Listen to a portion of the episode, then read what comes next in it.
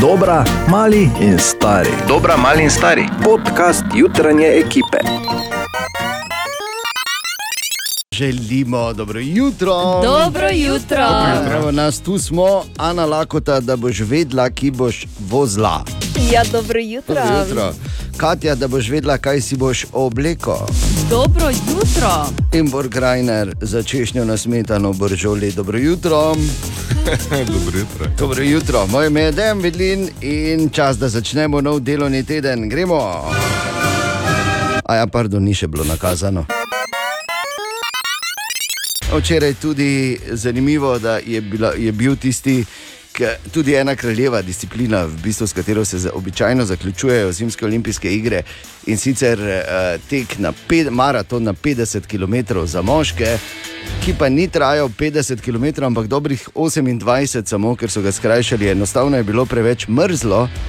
In kako zelo mrzlo je bilo, priča tudi zgodba finskega tekača, ki je, ko je prišel v cilj, ne, pa so mu dali grelec, si ga je najprej dal na. Aha. Ne, Joj. dol na Ronaldinho. ta. In pol so, in pol so vprašali, zakaj. Je rekel, najmanj pol mi ga je zmrznilo. Ja, ful je bilo mrzlo, ne? in zdaj oni niso ravno oblečeni, ko tečejo na smočeh. Ne, Bor ti se spomniš še iz aktivne tekaške kariere. Pa ne to, ne, zdaj pa, če bi ti se moral pomisliti, če izbiraš med tem, ne, ali, bo dal, ali bo šel mezinec, ne, ali bo šel Ronaldinho, ne, pač ne. Daš mezinec. Ne?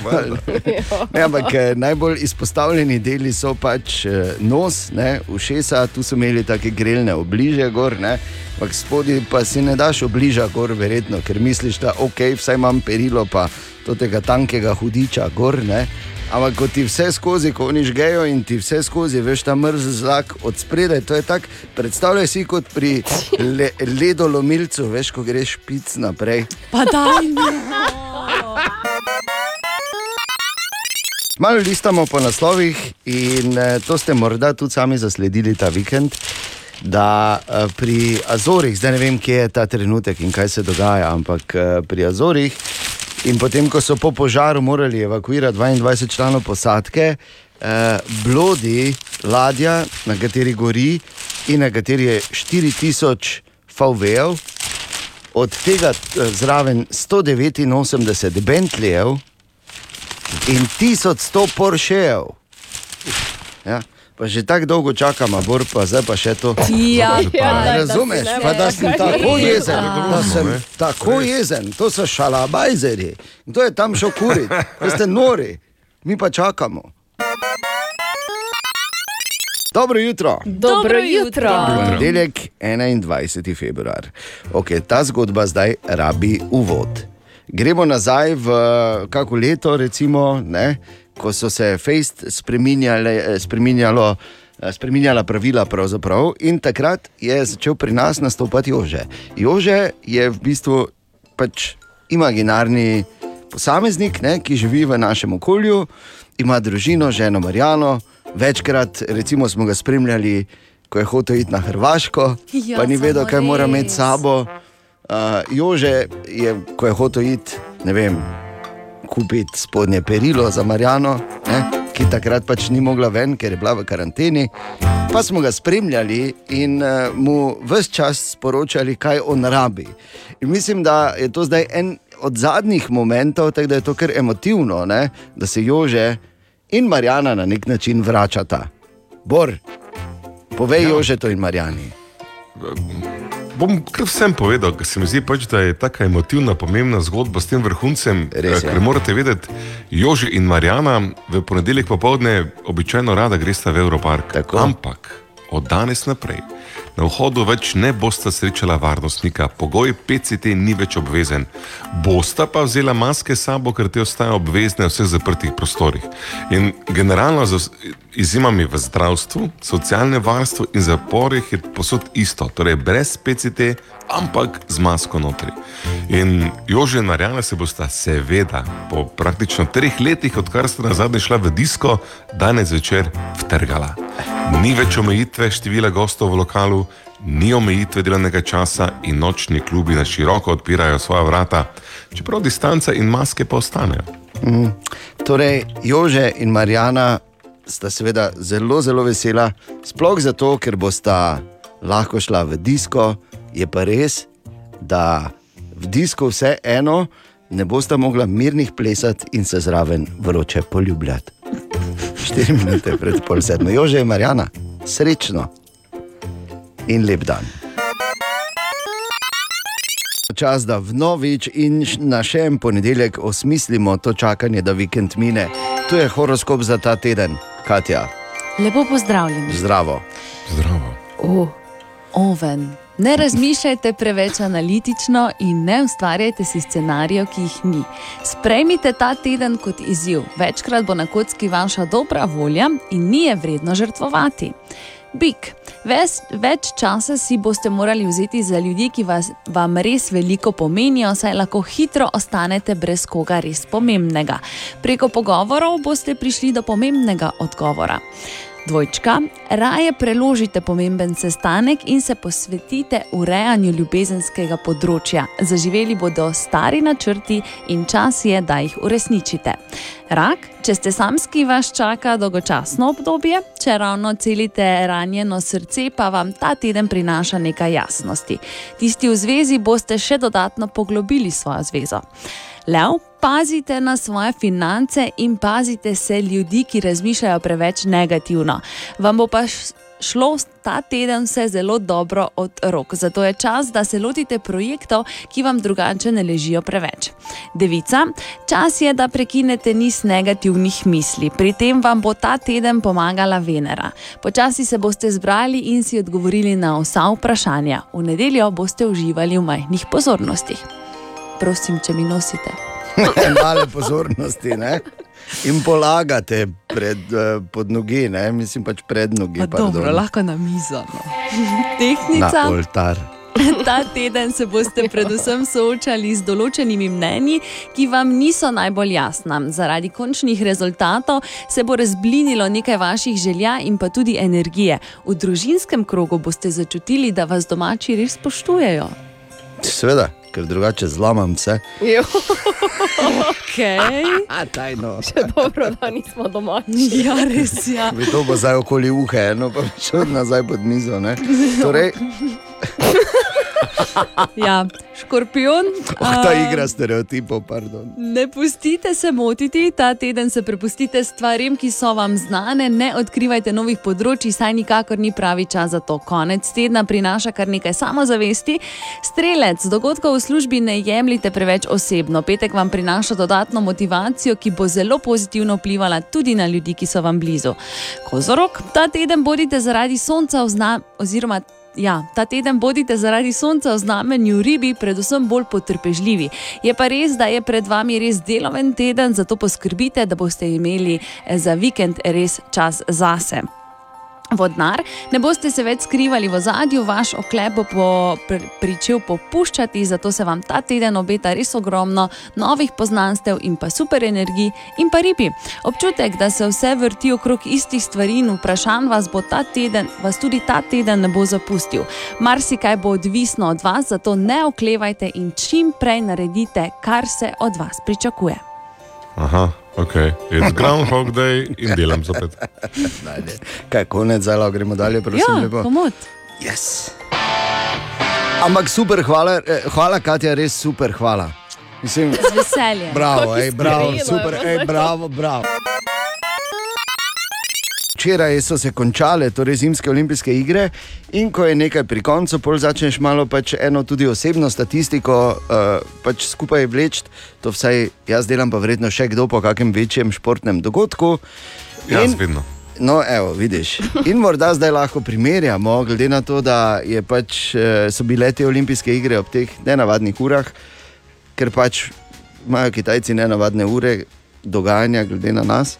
Mislim, da se malo niso mogli prilagoditi, pa me to, ne vem, pač po njihovi uri vse skupaj ob enih zjutraj. ali pa- Ja, Vse veš, kaj Pač ti pač reči. Kitajci, ne, ker ja. jih je dosti, pa ker imajo denar, pa ker se delajo tam, pač delajo po svoje. Okay, moja statistika teh zimskih olimpijskih iger, devetkrat sem se prečasno vstal, tudi ob treh pol štirih, Jezus. recimo, da sem spremljal dogodke devetkrat. To je, lahko bi večkrat, moram reči, ni, s tem, da okay, včeraj zjutraj, ko je bil finale hokeja ob petih, nisem štev, ker to je normalna ura, skoraj da se vstaneš. Ne? Za nas vsaj. Devetkrat torej sem se zgodaj, bolj zgodaj vstal, dvakrat. In to obakrat, ko sem skoke gledal, sem zažgal nekaj, ko sem kuhal, od tega enkrat nerešljivo. Ne? In, veš, in od tega, eh, in tako seveda tudi jaz, mislim, da pripomogel k sedmim medaljam naših športnic in športnikov, ki so bili res izjemni. Ja, hvala ti, nekaj na Ja, Pa ja, ja, bi pa mogli tudi- osmo dati. Ne, me- ni treba, samo pač dajte se zavedati moje žrtve, ne? samo toliko. Ampak res super je bilo in o tem bomo seveda še v nadaljevanju. Dobro jutro. Dobro jutro. Torej, če povprečnemu ali pa tudi ostarelemu gamerju, ker drugega nimamo tu ta moment, eh, rečemo besedo Nvidia, kako reagira. Bor? Uf, kako je pa to drago, zdaj pa kaj si normalno. Pa rabiš ne samo če štirikratna cena normalne. kdo bo to Rabiš. Ja, seveda rabiš. Ne, rabi, rabiš. Kako rabiš? Rabično Uf, rabiš. uf, Vedno rabiš nov. Boj ti gamer brez grafične, veš Pa kaj tako. gamer brez grafične? Tako kot um, Zobni pes. tekmovanja. Zobni pes brez zobov. Zobni pes. Eh, morski pes brez zobov. Kojn. Ne, Okej. Lepo si rekel, zobni pes brez zobov. Pardon. Ampak v petek je o podpisu memoranduma o partnerstvu Republike Slovenije z Nvidijo bil v Mariboru Rod Evans, ki pa je direktor za superračunalništvo in umetno inteligenco pri Nvidiji, se pravi ena od uh, vodilnih avtoritet na to temo uh, na svetu in seveda, ker se vedno lepo in dobro pogovarjati o prihodnosti. Smo seveda tudi mi takoj napletli pogovor na temo umetne inteligence in roda vprašali, uh, umetna inteligenca danes in kakšna bo čez pet let. Umetna inteligenca je ta trenutek šele v začetni fazi. Razvija sicer se, ni pa še zrela. Mislim, da jo bomo čez pet let že videli dosti večkrat v naših življenjih. Večina ljudi se danes z njo sreča na svojih telefonih, kot naprimer pri identifikaciji obraza za odklepanje naprave ali pri prepoznavanju prstnega odtisa. V prihodnje pa bomo videli veliko več takšnih primerov v vsakdanjem življenju, kot predvidevanje podnebnih sprememb, kartiranje oblakov in podobno, kar ni možno z današnjimi računalniki. V smislu vsakodnevne uporabe pa bomo videli avtonomno vozeče avtomobile, avtobuse in letala. In podobne stvari, ki bodo spremenile vsakdanjik vsakega od nas. No, bilo je omenjeno globalno segrevanje. Kaj se bo dogajalo na tem področju pri umetni inteligenci? Ena od stvari, ki je trenutno nemogoča z današnjo tehnologijo, je napovedovanje, kje točno se bodo zgodile posamezne stvari in kaj točno se bo zgodilo glede na pretekle dogodke, ki so nastali pod podobnimi pogoji in vzorci. Umetna inteligenca bo lahko analizirala pretekle vzorce in izračunala modele, ki bodo lahko napovedovali, kaj se bo zgodilo v prihodnosti. Naprimer, če bomo zaznali ekstremno visok pritisk na nekem določenem območju, bomo z visoko gotovostjo predvideli, kaj se bo s tem pritiskom zgodilo, kar bo potem dalo čas ljudem, da se dobro pripravijo na naprimer močne nevihte. Imeli bomo precej bolj zgodnjo napoved, kaj se bo zgodilo, kot jo poznamo danes s sedanjimi vremenskimi napovedmi. In Rod Evans, direktor za superračunalništvo in umetno inteligenco pri Nvidiji, kje je Slovenija trenutno pri razvoju umetne inteligence? Slovenija je že danes vodja na nekaterih področjih umetne inteligence, zlasti na področju nanotehnologije. S tem partnerstvom, ki smo ga podpisali, bo naša država na čelu Evrope na teh področjih. Do sedaj je Nvidia podpisala partnerstva samo še tremi evropskimi državami: Italijo, Finsko in Luksemburgo. To so države, ki najhitreje osvajajo nove tehnologije na področju umetne inteligence. Kar je seveda super in smo veseli, ampak zakaj so manjše države bolj uspešne na tem področju? Tu zdaj od omenjenih, seveda, uh, apeliram oziroma pač uh, cikam na Luksemburg in Slovenijo. I think it's because when you're a Manjše države se lahko prilagodijo able to zelo hitro napram velikim državam. Luksemburg je dober primer, saj je kot država še manjša od Slovenije. Začeli so pred 18 meseci in že naredili ogromno raziskav na teh področjih. Tako da manjše države se lahko res hitro prilagodijo in Slovenija ima že dolgo, lepo zgodovino akademikov in znanstvenikov. Umetna inteligenca samo gradi na teh temeljih. And I think this is just building on that tradition. Odlično in zdaj, Rod Evans, direktor za superračunalništvo in umetno inteligenco pri Nvidiji. Ključno vprašanje kdaj se bo normalizirala cena grafičnih kartic. Industrija grafičnih kartic je trenutno draga zaradi globalnega pomankanja polprevodnikov. Pričakujemo, da se bodo stvari izboljšale v roku 12 oziroma 18 mesecev. Stvari pa se bodo stabilizirale po nekje dveh letih. Ampak najboljša je bila reakcija, Ja, res bodo je. spet normalne cene. Ja, točno to. Ja, kaj češ 12 do 18 mesecev, stabilno čez dve leti. Tu je vprašanje za Hajfek za danes jutraj, Katja. Imamo vprašanje Karmen, ki jo zanima, ali sta otroka, ki ga imata dvojčici, pol brata ali bratranca. Ja, Dajmo, da- dajmo tu še za eno stopnjo zvečati, tukaj je temu rekel napetost. Ne? Kaj pa če imata dvojčici otroka z dvojčkoma, enoječnima? Aha, pa je to. ali pa, Tako- ali pa z enim, ki se je pač zmotil zvečer, Pa dobro, da je.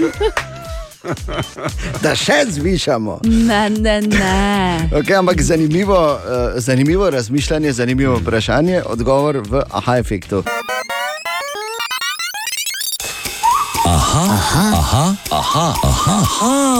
Aha, efekt. Torej, Bor bo zdaj probal enkrat za vselej uh, razčistiti to vprašanje, s katerim se množica, okay, morda ne množice, ampak je napisala Karmen, ali sta otroka, ki ga imata dvojčici, pol brata ali bratranca. Okay, smo rekli, da bomo še malo zvišali. tukaj Ne, ne, napetost. zdaj to je na osnovno odgovori. No. Že okay. to bo dovolj komplicirano, verjetno. Da, v redu. Uh, načeloma je zelo enostavno.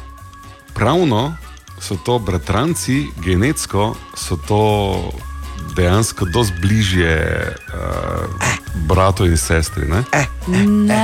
Ja, se pravi, v teoriji, zdaj, če imata dvojčici eh, različna partnerja, pol sta pol brata, če pa imata enakega partnerja, pa sta v bistvu brata genetsko skoraj Pa to. zakaj bi.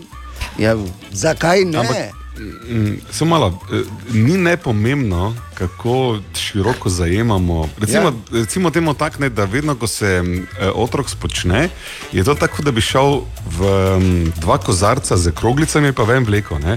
Ampak zdaj, v tem primeru sta kozarca, spoh če bi imela eh, te dve sestri, še mm, dva Istega. identična moža.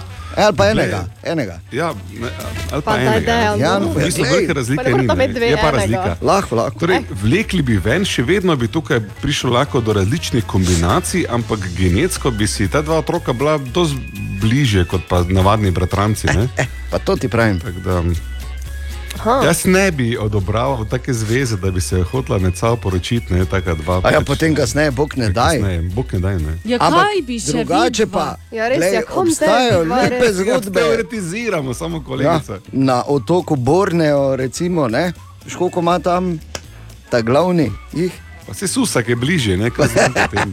Ja. 4 minute pred 8. Hvala, Bor, super. Ali tudi vi pogosto totavate v temi? Aha, efekt, da boste vedeli več. No, med eh, prebiranjem zanimivih naslovov danes zjutraj sem naletel tudi na tega, da naj bi šli Rolling Stonesi letos na turnejo po Evropi. Mm -hmm. Rolling Stonesi.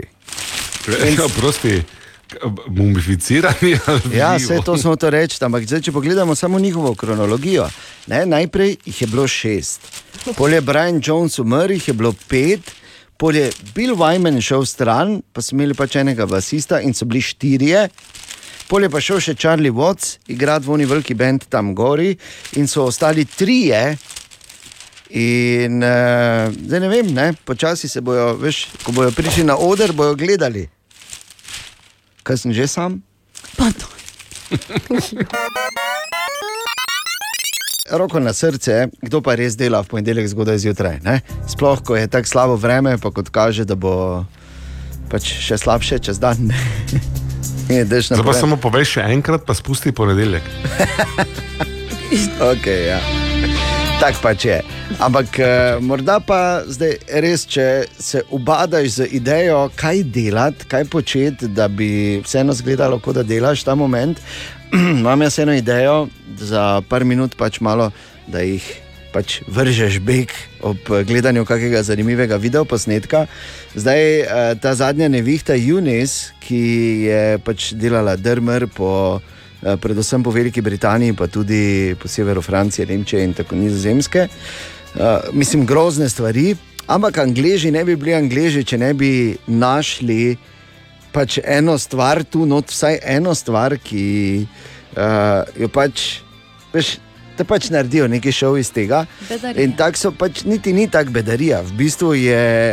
Veš, take slike, oziroma videoposnetki so, da rečeš, klobuk dol. Okay. In sicer so postavili kamero na začetku pristajalne steze na Hidrovu in so snemali letala, ki so v teh orkanskih vetrovih, potniška letala, pristajala, in imeli komentatorja, ki jih je komentiral. Joj. Ne, in, ne pa res je super. Vrhunsko.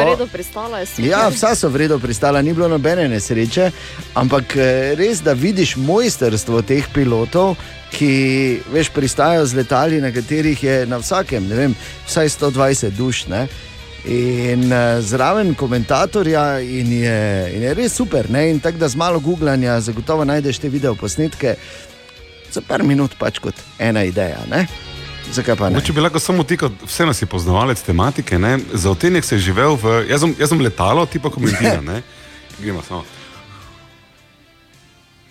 Je, Kak si tiho letalo na radiju? pač ti? pri- Kaj si motore imam tihe, ne, lej. no. Tihe motore. O moj bog, ali jaz jadram, ker so motorji odpovedali. O, o, o. Pa tudi, če Ja, bi ne moreš. jadral, bi se nekaj slišalo.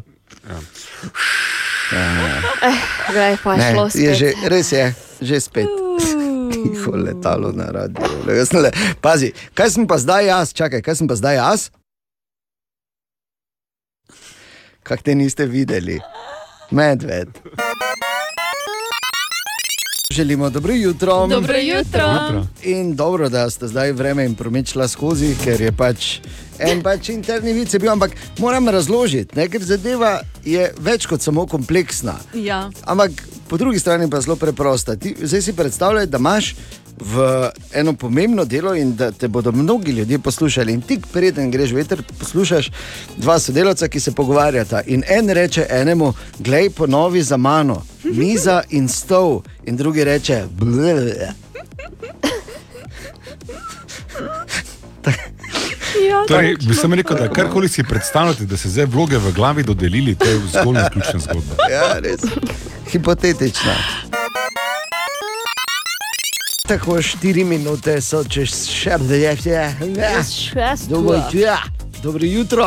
Dobro jutro. Dobro jutro, ja, tudi danes zjutraj smo tukaj na torek 22. februar leta 22, se pravi same 22. Ne, tako da, hu, tisti, ki dajo dosto numerologijo, so se danes zjutraj zbudili z rahlimi štinglčki, ker so vseeno same dvojkice. Ja, mi sicer danes z dvojkicami vseeno nimamo nekih težav, ker smo le prvi na lestvici. Ne? Dok Samo ena dvojkica je težava drugih. Dobrodošli. Web, web, web, web check. Dobro jutro, Katja. Dobro jutro. Dobro jutro. Danes je 22.2.2022. 22, 2, 22 Tako. je bilo. Dan, ki ima torej kar veliko vrednost, ne samo kar se tiče številk, ampak tudi postavitve planetov. Daj nehaj. Pluton se vrača na enako mesto, kot je bil 4. julija 1776. Kar se spomni samo še Bor. Bor, kaj se je zgodilo takrat? Noro je bilo, kako se pa je te Pluton postavil. ne, Tak čuk in tu je bil in potem. Tak wow, čuk, ja. tak- Ja, v res, Združenih državah Amerike so sprejeli deklaracijo neodvisnosti, ampak ok. okay ne. torej, kaj v bistvu lahko pričakujemo danes, oziroma od, oziroma od danes naprej? Velike preobrazbe, metamorfoze, celo epske spremembe, ki Kje? se bodo, pa poslušaj do konca. A ja, pardon. Dogajale se bodo predvsem pri vsakem posamezniku v notranjosti Mm. In ne v družbi kot v celoti. Aha. Okay. Evske spremembe. je Spremenjeno, ful. Je fuja, Ko vidim, te ja. poslušam. Glede na včeraj, sploh ko frizuro pogledamo, ne, Ana, Ja. tako da bi si čestitali. Ne? Totalna sprememba. Slabega Epske spanja. spremembe torej pričakuj, ker je Pluton spet, uh, vse je Pluton, ne? Pluton, Ali je. Neptun, ne Pluton, Pluton, okay, ja. ker se Pluton spet tako postavil. Okay. Tako. Eh, še imamo? Potem med drugimi novicami Britney Spears bo napisala recimo svojo biografijo, ki pa bo več kot očitno, oziroma je že več kot očitno kar veliko vredna. Prodala jo je namreč že svoji založbi za 13,2 milijona evrov. Ja, ona pa napisala, ja, seveda. Ja, pač kakorkoli. Ne, ampak, Ja. Je pa brez besede že kar nekaj zaslužila. Ne? No. In pa Channing Tatum je v nedavnem intervjuju povedal, da je skoraj zavrnil vlogo eh, v filmu Magic Mike 3. Eh, Zato, ker se ni počutil fizično dovolj sposobnega, prav tako je moral zaradi same vloge večkrat stradati. Jaz pa mislim, da je zelo sposoben. Je, ne? Ja, No, lepo. meni se zdi. Uh, je pa res, da je to zadnja, ne? zadnji Magic Mike, v katerem je lahko še Channing Tatum igral, ker naslednja štirka bo pa Ancient Magic Mike, tam pa Bor igra. Če ne, Webcheck. To soboto, kot smo rekli, gremo po dolgem času spet svobodni v ljudski vrt in z nami, oziroma zraven bomo vzeli Borisa. Boris, dobro jutro. Dobro jutro. Dobro Dobro jutro. jutro. Na nič 2, 290, 90, 90 je Boris prvi poklical. Boris, uh, si gledal včeraj tekmo? Seveda, seveda. Ja. Moram jaz iskreno povedati, da sem pričakoval veliko, veliko slabšo tekmo, glede na to, da je eh, delovalo eh, bolj, kot, bolj kot pašnik, eh, kot pa igrišče včeraj, ne? tako razmočeno, pa luže, pa blato, pa vse. Ne? Ampak, To pa res, ja, to pa res. Ampak na koncu. Razvili smo jih, ne. Eh, Tako. Eh, pa tako, Boris. Preprosto. Ne bi mogel lepše povedati. In Boris, ja. Ja. to soboto gremo spet svobodno v ljudski vrt, tako kot včasih. Ali se ti morda spomniš, Boris, kdaj, kdaj je bila zadnja tekma, ko smo šli brez da so bile kakršne koli omejitve, brez da te je kdo kaj kontroliral, dodatno ali kaj podobnega? Se spomniš To pa morda? že kar en, že, že kar en lep čas je to, to nazaj. Ne? Ja, ti jaz povem. Spomnim, Daj. včasih smo tekmo hodili vsi. Daj, Bor, Pa no. kaj, tako pa tudi ni. Ne? Tako dolgo ni. Je pa Skoraj res, že tako. da je bilo marca 2020, E, praktično dve leti. Ja? Dve leti že skoraj. Tako, od tega. In po dveh letih, torej to soboto spet in Boris je zraven. Mimo grede, za vse, ki ne boste imeli take sreče kot Boris, čeprav bo priložnosti veliko do sobote, uh, so se pri Enka Mariboru odločili tudi, da bodo ravno iz tega razloga uh, prepolovili cene vstopnic, torej vse vstopnice za sobotno tekmo bodo 50 odstotkov ceneje, oziroma za pol cene. Ampak Boris, mi dva nimamo teh težav, dve karti sta tvoji. Mi častimo in smo veseli, da bo šel z nami spet svobodno v ljudski vrt to soboto, ker je Maribor. Šampion. Tako, se vidimo tam, Boris, lep dan ti želimo, adijo. Hvala lepa še enkrat. Enako, enako. Čau. Želimo dobro jutro. Dobro dobro jutro. jutro. In eh, čas bo seveda, da spregovorimo o eni od večjih svinjarij, ki so tam zunaj, ki so uh, precej razkurile. Lahko bi rekel, če bi seveda delal na univerzi, da je eh, razkačilo to našo Katjo. Tako bi jaz ziger. Ja, kako sem pa razkačena. Katja je namreč na Instagramu našla zgodbo o največji svetovni izmenjavi knjig. Plemenita ja. ideja. Pred časom, ne vem sicer, če še to tudi laufa, veš, včasih je bilo tisto, da si šel pa si samo pustil knjigo nekje, mm. kaj noter napisal, ne, kot uh, kako mm -hmm. posvetilo tistemu, ki jo najde, to sem jaz naredil v Res? Europarku. Res? Na, z- ja, na zgornji etaži tam je klopca, ko prideš, veš, po, če greš po teh štengah, gor tekočih, ne, teh prvih, pri parkplacih, Okay, ja. Uh, v zgornjo etažo in uh, pol ne greš ravno noter v Millerja, meni, Ja. ampak tako levo okoli greš pa ena klopca. Ne? Ja, ja, ja, ja. No, no, no. Na to klopco sem se usedel, pa sem imel knjigo zapisano, veš, in sem tako dal lepo na klopco doljo, samo zraven mene, sva posedela še malo, in potem sem se vstal in sem šel. Zakaj se meni to nikoli ne zgodi? In je potem nekdo pač našel to knjigo in jo vzel, in mislim, da je bila uh, Angeli in demoni, O, od Dana Brauna. Zelo dobra izbira. pač prebral sem in je šlo. No, skratka, Katja pa je našla zgodbo na Instagramu, Ja. ki, Boga, Sem, kako ja. je čisto. kjer si kaj naredil, tam si pa zapisal, da želiš. Ti si v bistvu se prijavil na sodelovanje in si mogel poslati eno knjigo, Aha. potem pa si vse skupaj delil naprej, vključno s svojim naslovom, in kar nekaj knjig bi potem take moralo priti nazaj do tebe. A, In ja, res bi moralo priti, ja, ampak jih ljudje niso poslali. kaj si ti? In zelo sem jezna. Koliko knjig bi morala dobiti, Da vem, bi jih mogla dobiti okrog 15. koliko si jih dejansko dobila? Eno. Joj, Ja, lahko bi jih dobila nič. Ne? Lahko bi ti na mesto knjig bor pošiljal, vse veš kaj. Tako da, Ok, hvala, Kaj? vesolje. da je tako vredno, da je. Ne? Ja, Kaj, kaj, je, ja. kaj, kaj, kaj ti pošiljaš? Ko imaš svoj, svoj zabavni moment. Še ostajamo pri goljufijah, Borgrajner. Da. v istem stavku. Vse veš, se zalašč. ne, Ne ne, vem, če sem navdušen nad tem uvodom. Ne? ne, ne, pazi. Ampak res rad bi te vprašal, ker se mi zdi, da si ti najbolj kompetenten zdaj za to vprašanje, ob tej informaciji. Ko si bil pri županu, ne, ne, to, pardon, to je drugo. Med, to so ti kvalitetni vici. Ne?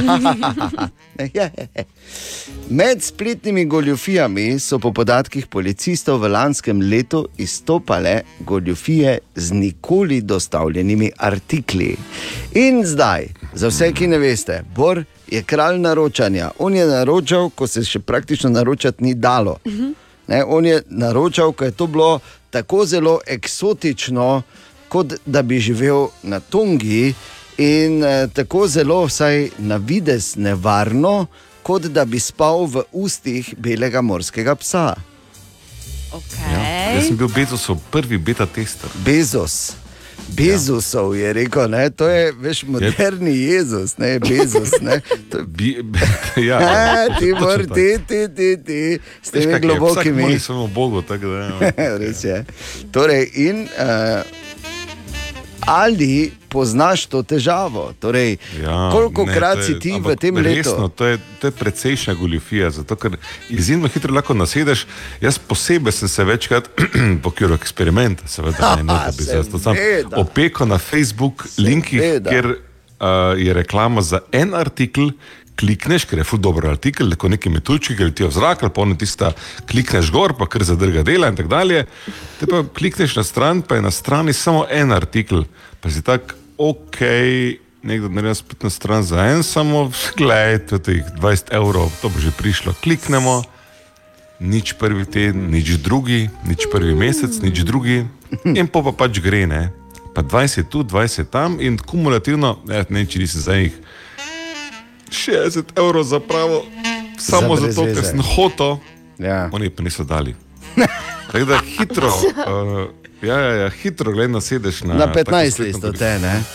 In kar je Ker vidijo, Ena zanimivo, kolegica je rekla, da nič, ja, veš kaj, te pa plače po pozetju. Če bi jaz samo iz Slovenije kupoval, ampak ti kupuješ od Bezusa? Ja. so tako. in ostalih. Uh, Molimo. ampak dejansko je Da bolj ali manj, kot jaz razumem, to največja težava pri teh uh, fake shopih, tudi uh, to, da mnogi kupujejo preko Facebooka. Ne? Tam Jaz je to najbolj pogosto. Vse moja ne. izkušnja je ta, da se razumemo nekaj. Ne? Niti enkrat preko Amazona, di, da artikel ne bi bil dostavljen, pa mimo vrste. Ampak Facebook je pa skoraj tako leglo ne, teh. Imamo spletno stran, govori čudovit artikel, ne navadno znižen, ampak samo eden, na celi strani. ja. mm. Vidite, to ni čudno. Ja, Ne zakaj ne ker je utripajo rdeče lučke? Ja? Ker tudi če veš, če se pelješ, ne vem, skozi Brunšvik, pa en kmet krompir prodaja, ne, in je to res samo en artikel, ne pomeni, da ima samo krompir. Vidiš, da ima traktor, pa krave, pa vse, razumeš? ja. Pač povem, poglej malo. Prej slej bo- glej, tak, tak, prej slej bo nekaj prišlo, boš pa videl. ja, vreda je. 16 minut čez sedmo, v vsakem primeru, prosim, bodite previdni. Tako previdno, torej za volanom. Je pa res, da je včeraj bil tudi en poseben dan. Ne samo, da je bil ponedeljek, ampak je bilo prvič po dolgem, dolgem času tudi eh, tako, da ni bilo več omejitev pri številu gostov, pa tudi ne pri odpiralnem času. V disko si lahko šel, če je bil odprt, kak je Ja. včeraj v disko, v disko, DIS. In si lahko Tako, ja. ful se vtrgal, kot čas, eh, tako to. She is D, D, ne, ne, she is I, D, ne, ne. Da nista vidva bila včeraj slučajno v disku. Veš, da ne. Ko je disko, je dehata disko, ne. danes. Ne, ampak čisto za res eh, nas je zanimalo, kako bo zdaj na prvi večer, ko več ni nobenih omejitev, ali smo tudi v našem mestu, ne vem, trumoma uh, zasipali poštno, ali je, uh, kje se je pravzaprav kaj dogajalo, ali se je sploh kaj dogajalo, ali smo pač enostavno se odločili, da bomo, ker smo zdaj se malo pač odvadili vsega tega, se počasi spet aktivirali. Malo je šel preveriti David in uh, nastali so ti posnetki. Včeraj zvečer, torej prvem večeru, brez nekih posebnih omejitev v našem mestu. Ja, v bistvu občutek je enako zmeraj, samo da danes ne bomo šli ob desetih domov, tako da smo verjetno vsi malo bolj veseli, ni zdaj konc sveta ali pa nekaj, ampak ok je no. Uh, čisto drugače. Doma v dnevni sobi ni isto kot tukaj. V vsakem primeru bi šli ven, sam bi šli prej domov pit naprej, zdaj bomo pač bolj dolgo zun. Kaj super, ja. Mislim, da smo imeli vsi že za dosto toho, da smo bili en cel zaprti, pa kaj fajn spiti, kakšno pivo s kolegi, tako pa malo duže ven in se podružiti. Ne? Ful dobro, ja, ker se malo družimo spet, vidimo ljudi, vidimo live, imamo live nazaj, malo več poleg akademskega, tako da super. Je pa zdaj ponedeljek, ste se zbrali, ne? to je prvi dan, zato ker je spet odprto. Ali... Ne, ne, ne, začetek drugega semestra. Ja, ker smo se pogrešali. Ja, super je pač, nekaj več tistega, kaj bi te nekaj PCT preverjali cel cel pa tako. Kaj pivo je podobne, podobne okusa zdaj, kot pred PCT? Ne, malo boljše je zdaj, ne. Vseeno nismo tako navajeni. Ne? Ja, meni je tudi v redu, predvsem da grem lahko na pivo po desetih zvečer v gostilno. Uh, pa tudi, ja, glede tudi začetek drugega semestra, bi rekel, da je glih ta pravi čas, ta sprostitev prišla. Predvsem študentje so izkoristili. Ne? Ja, to pa drugi. Tako da. Če sta vidva bila včeraj. Ja, mi smo pa v disku, di, Vidva pa študenti. Eh, Ja, seveda ne. Meni je zelo žal, da vaju nikoli nisem videla. Ja, ker meni ni- tudi. A, ker je, ko se tudi. dejem trga, Au, oh, gre v bokih. Ne, meni se veš, kako to gre. Zdaj pa gremo v soboto. Ko ga zaštiha po treh minutah, je, pa pol dol Ko od se- ko krumpa. pa Stojim ob, uh, Ja, tam, pa ne ne, more. čisto ob steni, pa zgledam Ja. ja. tako totalno kul, cool, kot da nekaj lahko, Ja, ja, ja. ja. samo v bistvu nič ne more. Pol pa mu dva pomagata, vedno, ko mora iti na WC, kar mora iti pogosto, ker ima težave, že z leti pridejo. Ne, Pa da-. Medtem pa jaz ni, aj, esi. Ne, glej, premalo hodita v disko, premalo hodita v disko, Ja, to je vse, kar mi rekel. res, Res je. ja. Ne, ampak je pa, torej, že včeraj so mnogi izkoristili, Bog ve, kaj bo čez vikend. Želimo dobro jutro. Dobro jutro. Ja, uh, to je marsikdo tudi prebral in tako z nostalgijo, malo pač v mislih rekel, ah, škoda. Ne, da ena od najbolj legendarnih mariborskih gostiln pri Kličku, torej pri treh ribnikih, zapira svoja vrata. Tam je se je dogajalo kar ne. Celo uh, eno radijsko čago smo imeli tam pred leti, Bor, se spomniš ti, ne? Ne, ti se ne Če se spomniš. spomnim, spomnim se, da smo tja šli, ostala je tema. In Samo rekel pa ni, a, te gostilne je občina kupila. In zdaj na če je, upam, da to zdaj ne pomeni začetek nekega vzorca, ne? da občina kupi pa zapre, da je pol privat, manj konkurence. jutro, Tine. Dobro jutro, Tine. Dobro jutro. Dobro jutro. Dobro jutro. No, no, no. In dobro jutro. Čez predolgi, O, o, je Greiner. bilo to. Ja, Oh, je, če je o tine, pa dobro jutro je, pa, pa te pa sem ta Pač oba. ne tako Vse oje. Mislim, enih združila. ljudi se človek razveseli, ko prija v službo. To, ne. Ja, to ne vem, kak je. Aj, daj, daj, vendar, no, kaj pa vse te kave zjutraj, ki jih Se res, res. No, vidiš. Pa na smehi. Ja, pa... sploh pa kaj ti govoriš, ko nisi bil zjutraj tu, že veš, kako dolgo ne. Ja. Si si sam ni- kriv, da da to mesto pa prijem jutri. piješ, ne, od- Se zmenite vi, ali kaj boste. Če kuj, če kuj žveka, če to ne moreš. Žveka, verjetno. povedal sem samo. Ker žveka, nekaj, ne. Ja. Otine smo rekli, otine, ker je najkrajše. Že otine pa to, to ne zapoje. Celo dizertacija ven nastala. Tine, dve Otine. stvari. eh, Včeraj smo zmagali, danes smo prvi. Kar je pa zanimivo, da je, kljub temu smo mi prvi dan, ko so same dvojke.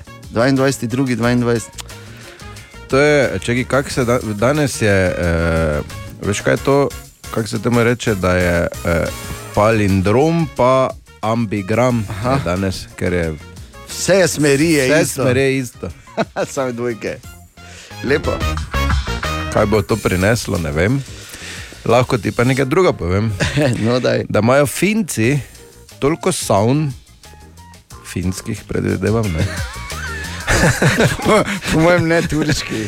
Toliko savn imajo Finci, da bi lahko cela populacija naenkrat v savne šla. Aj, daj, no. Ker je cela populacija. Finska. A ja, finske. Eno? Kaj je s tabo?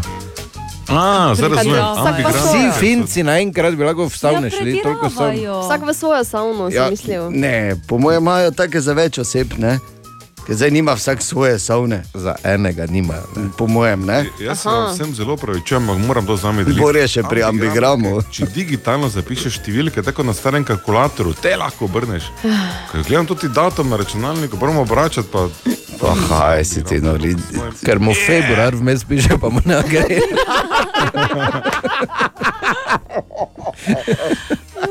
22. februar 2022, kako to obrneš, če ne moreš obrniti? no, Pa nulke, nulke ignoriraj, Bor, če hočeš se iti. ne, nula je z obeh strani isto. Ne, ni. Seveda je. No, skratka, finci so ne lepo, pa Bor in njegovi ambigrami. Ja. Aha, aha, aha, aha, aha, aha, aha efekt. Bor torej danes odgovarja na vprašanje poslušalke Mateje, ki jo zanima, odkot prihaja oziroma kdo si je izmislil pravilo 34. Najprej hitro priznanje, nisem vedel, da to obstaja. Zdaj pa vidim, da celo Paul Abdul in Simon Cowell sta enkrat za mizo uporabljala ne, pravilo 34 kot glagol. Ne. Jaz bi pa to pravilo 34, ne, če me razumeš. Pomeni pa preprosto, da če obstaja ena stvar, potem obstaja tudi ta stvar v pornografski konotaciji. Ne. Tako.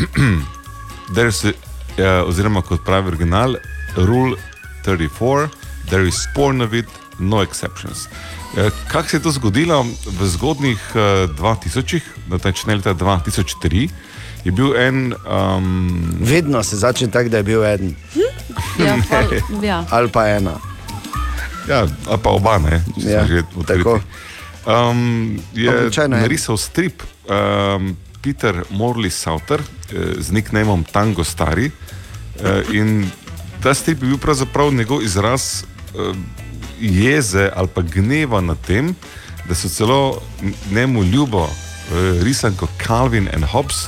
Vem, če veste, to ni tisti tiger z A, tistim so vrhunska. Ja, jaz sem tudi stripe Vrhun- bral, pa Ja, moja ja, dva ja, mala dva bereta vrhunski. te stripe, vrhunsko priporočam. vrhunski stripi. Ne, in, Ja. uh, mislim, da celo so laufali tam od 85 do 95 let, am- ampak ni važno. Ampak ko, ko je on to videl, da celo to uporablja za pornografijo, je to on v, v stripu opisal kot uh, ne, to je zgleda pravilo 34. Če obstaja, obstaja tudi pornografija tega. In žal je res, ne? Glej, ja. naredimo test, ne? Ne. Ni treba, no, no, mislim, vsak zase, seveda. Ne? No, no, no, tako. Evo, razloženo, pravilo 34, zdaj veš. Ali tudi vi pogosto totavate v temi? Aha efekt, da boste vedeli več. Ko listamo po zanimivih naslovih, kar je mimo grede tako zgodaj zjutraj, vseeno hvale vredno, ali pa nekaj, kar zmorejo le redki v naši jutranji ekipi, ko pogledamo okoli. Ja. Te zaspa- zaspane obraze. Kmalu morda bi lahko prebrali, uh, to je zdaj, naj povem, neresnična stvar, ampak zgolj projekcija. Kmalu bi lahko prebrali uh, znana mariborska radijska moderatorka, začela kariero na OnlyFans, Baje. Tako da, pač to je naslov, ki ga bomo spremljali. Ko se bo zgodilo, bomo seveda o tem poročali. Zaenkrat še pa ni, tako da mirno. Uh, je pa, Sigurno je kaj Ne drugega tudi. Ne? naročevati. Ja. ja, ne, ne zdaj vnaprej, že ne. Pa, dobro, sicer verjetno je gorjenih par stvari, ki bi te morda zanimale, ampak ne, ne to, o čemer govorimo še. Okay? In pa zdaj pa čiza res je naslov danes zjutraj in sicer sem prebral, da je vedno manj ježov. Oziroma Ja, zdaj? Ja. Ki je kje so ježi? Nenavadno. Kaj se dogaja? Kljub temu, in to kljub temu, da je Bor že pred leti nehal voziti, kar bi se moralo poznati. Ja, samo čakaj.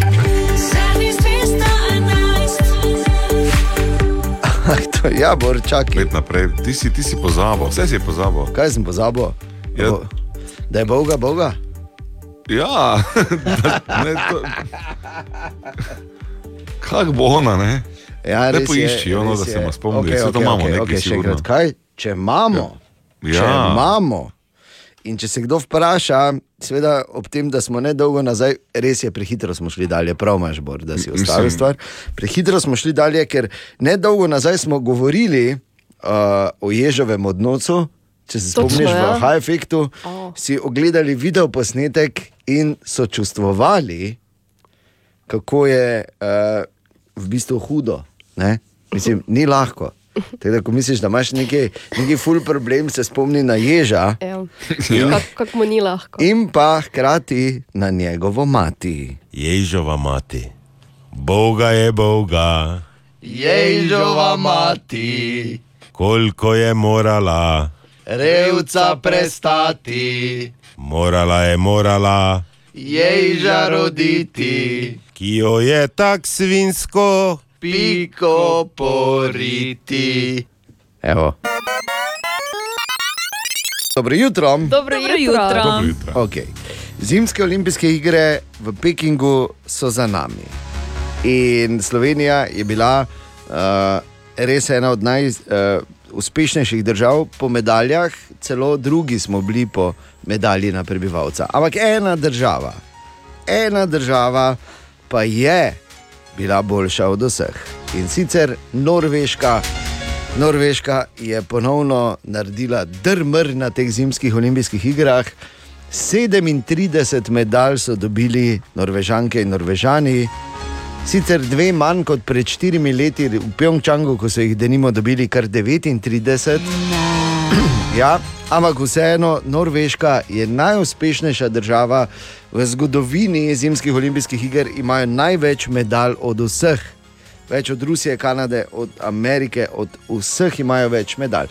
In pol, zdaj, tri dni sem rabo, v bistvu, ne, da sem malo se dokopal do teh skrivnosti. Zakaj pa Norvežani, zakaj glih Norvežani? Ja. Ne? In prvi razlog je, ne smemo si zatiskati oči. Če kdo bil na Norveškem, potem ve, kakšna je situacija tam, uh, da je vse ful drago. Ampak Norveška je vseeno sedma najbogatejša država na svetu. To ni nekaj, kar bi bilo zanemarljivo, ker vemo, pri zimskih športih pač rabiš veliko denarja. In imaš eh, pravzaprav nula garancij. Ne? Vsak starš, ki je kdaj um, imel otroka, ki recimo trenira smutanje, ali pa v Švici Bob dvoset, recimo, ne bo. Da ne bi kdo pomislil, da Norvežani nekaj vejo, ker mi ne vemo, da nima neki tajni finančni trik. Nafto ima, ne? Ja, seveda, tako je, bo lepo. Tako. In eh, hkrati so uh, pač seveda zaljubljeni v zimo. In v zimske športe imajo, to je pa drugi razlog, prvi je denar, jasno da. Bor je tudi povedal, zakaj. Drugi imajo, pač pri njih se je vse skupaj začelo, kar se smučanja tiče. Uh, in uh, kar 70 odstotkov Norvežanov, se pravi 7 od 10, ima doma tekaške smoči, so ugotovili. Wow. Ja, ja. Tako da praktično vsi tečejo. Uh, na smočeh, vsaj tečejo na smočeh, če že ne vozijo boba dvoseda, ne bor. Kaj bi verjetno mogli Ampak, vse, ampak vseeno pa je pa ena bistvena razlika, zakaj so Norvežani tako zelo uspešni na zimskih olimpijskih igrah. In sicer, ker imajo res uh, neverjetno, neverjetno dober sistem pri treningih otrok.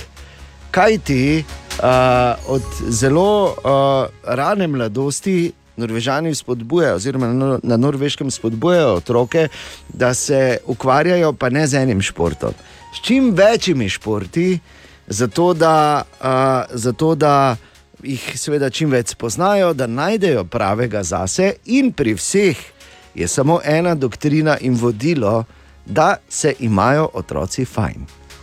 Se pravi, brez pritiska, brez vsega, samo imejte se fajn, igrajte se, spoznajte šport otroci in pa zares se začne. Uh, uh, Precej, precej pozno, namreč eh, pred časom sem gledal en dokumentarec z naslovom um, uh, Otroške oziroma pravice otrok v športu. In uh, tam uh, je zapisano, da je pač ta doktrina na norveškem ta, da morajo otroci imeti eno pozitivno izkušnjo pri vsakem športu, katerega se lotijo, kar je seveda super, in pa da se za resna tekmovanja tam začnejo šele, ko so otroci stari 13. Bravo! Ja, ja, res super. Do takrat pa je vse igra, oziroma je vse zabava. In zato pač eh, so tudi tako zelo uspešni, kajti veliko jih na to, seveda, eh, brez prisile in brez nekih večjih eh, travm nadaljuje v svet profesionalnega športa, če pa ne, pa tudi prav. Tako da, hej, ja, Norge. Kot pa če rečemo, ne, Norvežani. Tako rečete. Je Ja. pa res, da je tam že problem, ne, ker tam pol je pica in uh, pijača, recimo okoli 45 evrov. tako da, Haleluja. srečno. Aktualno stanje na cestah še zmeraj zasta eh, zastaja, nastaja nekaj zastoja in sicer. Zastaja boro voda. Ja, tudi ja. Zastaja meni srce, ob vas, veš, počasi. Ja, pa da bo. Ne, pa da. Boge. Oh. Vrža. Sedi, Em. um, kot španjel. Ok, ceste? Ja, ceste. Ja. Še enkrat želimo dobro jutro. Dobro jutro. Oh, ta podlaga. Prvič, In, uh, kaj te je poslovila, ne? ne, ni. Ne vrnila se je. Pa seveda. Torej, velika igra inicijalk. Danes igramo za izvrsten jagodni tiramisu, ki ga je prinesla Katja. Ja, za svoj Je. tiramisu bom zmagala. Ne za svoj, tako tak je, Ja, ne, tako tak je moj, ker imam občutek, da bom jaz na koncu. Ampak ok. Torej, igra inicijalk z- je zelo zanimiva igra. Vi pač morate enostavno, jaz bom povedal, inicijalko ali dve, in vi morate razbrati, uh, zakaj gre. Okay? Nekaj vrste. Ne, ampak vredo. Okay. Lahko je iz katerega koli področja. Lahko je uh, film, pravljica, pesem, resnične osebe, namišljene osebe, oni junaki, tisti junaki, futbal, karkoli. Eh, okej. oj, ne. Dobro, ne bo, ne bo iz ne? Niso samo osebe. Niso samo osebe. Okay? Daj, hm? Ni nujno osebe. Okay, prvi, jaz imam to liste, ker bom samo pač preprosto uh, pisal, kdo je kaj dobil in kdo ne. Ste pripravljeni? Ja, daj. Prva, prvi inicijalki. Kaj je to? R in J. Range a ne. Ni range, ni range in rover. R in J. Lahko prosim, dehamo to igrati tako. Daj, no pa zmoremo to, R in J. Ne, ne, razmišljati. ne, Ne, jaz ne do more, tvojega da je smisla, da zmoremo. Ne? Ok, prvega to sta bila seveda Romeo in Julija. Oh Ampak my je. Tega, da je ne? ena oseba, to so pa dve osebi zdaj. Kako bi bila ena oseba in Že inicijalke. Niso Ja. ja. rekli, da je na sebi.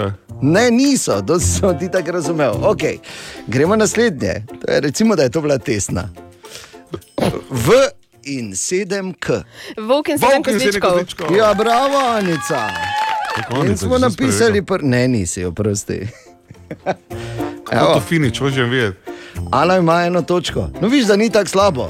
Ja, Okay. Naslednje. pravljicah. Naslednje. Pazi. K pri S.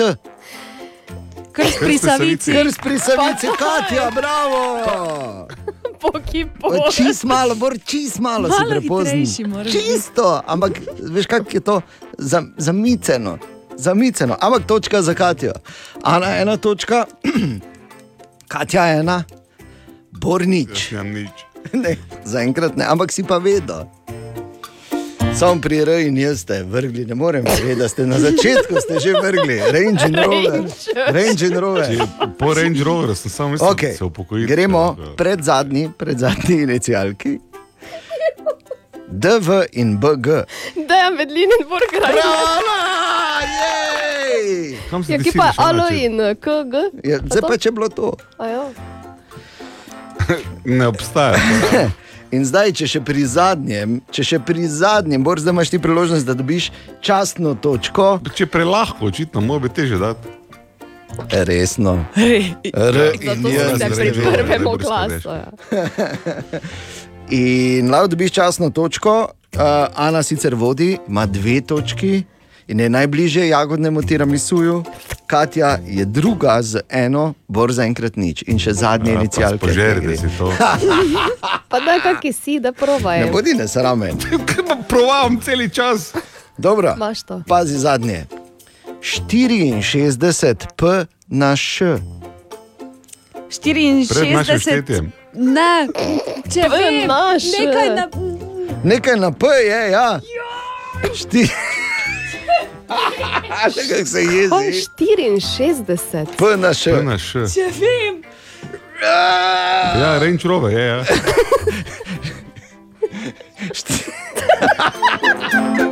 Ne, ni. Okay. Joj, to je Dam vam še na preveč. tanko 10 sekund, gledaj, kak, kak je rdeča. Rdeča je od cile. Kaj je to 64? Je? P na Š. Prisežem, da. In štiri, se ve- tri, No, dva, ena. Prijateljev na šoli. Ne. Pol na šahovnici. Joj. 64 pol na šahovnici. Okay. To je bila približno enaka kot R in J, ki je tudi niste vedeli in sem najbolj razočaran od vsega. Ampak, drage Jaz bi dame dal in pol točke gospodje, za Range Rover, ker pač zelo lepa. Ja. Prosti, ampak tudi je. če dam pol točke, ostane rezultat takšen. Na tretjem mestu Bor Grajner, brez vsake točke. Bronasta. Na drugem mestu z eno točko in pol, s tem, da je pol zaradi Range Rovera, ki je na inicialkah Renja. Katja Gregori! In pa zmago. Se lahko rečeš, Katja. Kaj naj rečem? E, dobro, Jaz na v redu. sem, če sem vedela, to tih 64 polno šahovnic, pa se nisem spomnila. Kaj češ? In pa z dvema pravilnima odgovora, odgovoroma je slavila kraljica tezna naše tezensko meso, Ana Lakota. Zmagovalka igre inicial, zmago sta pa ji prinesli inicialki DV in BG. Dobesedno. Ja, sploh z prvima inicialkama si boš delila tvoj zmagoslavni Aha. jagodni tiramisu. Če ga Samo ta z drugimi, si ga ne morem, ker ga ni tu. Mislim, kolega, mo moram reči, vseeno legendarna igra, če ne drugače, šlo mi bo večno v spomin, da je, je bilo prvo vprašanje, da je rekel R in J.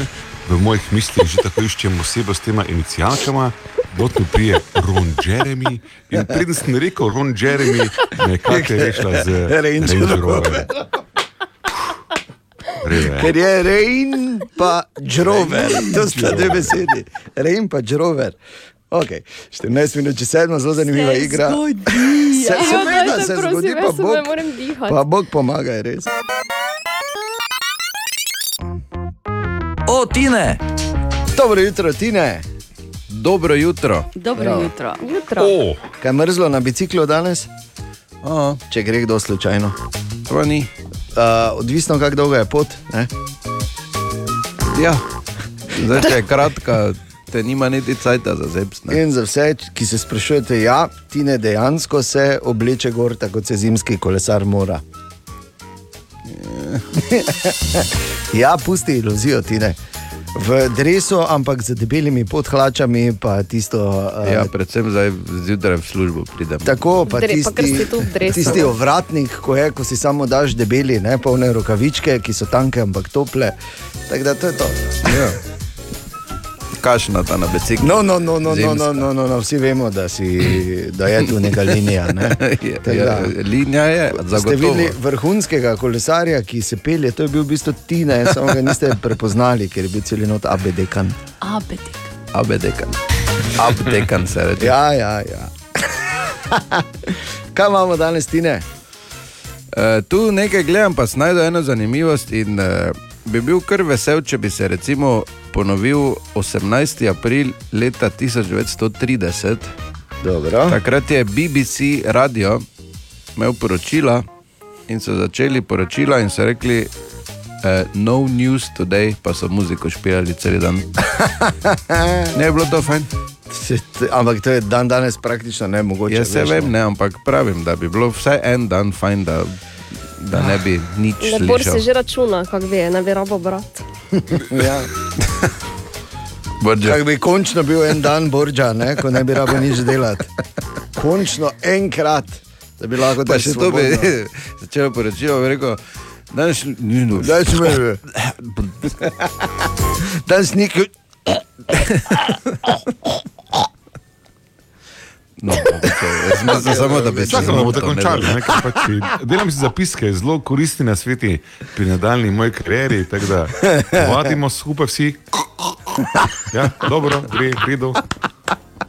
Zelo dobro. Ja, Bolj glej,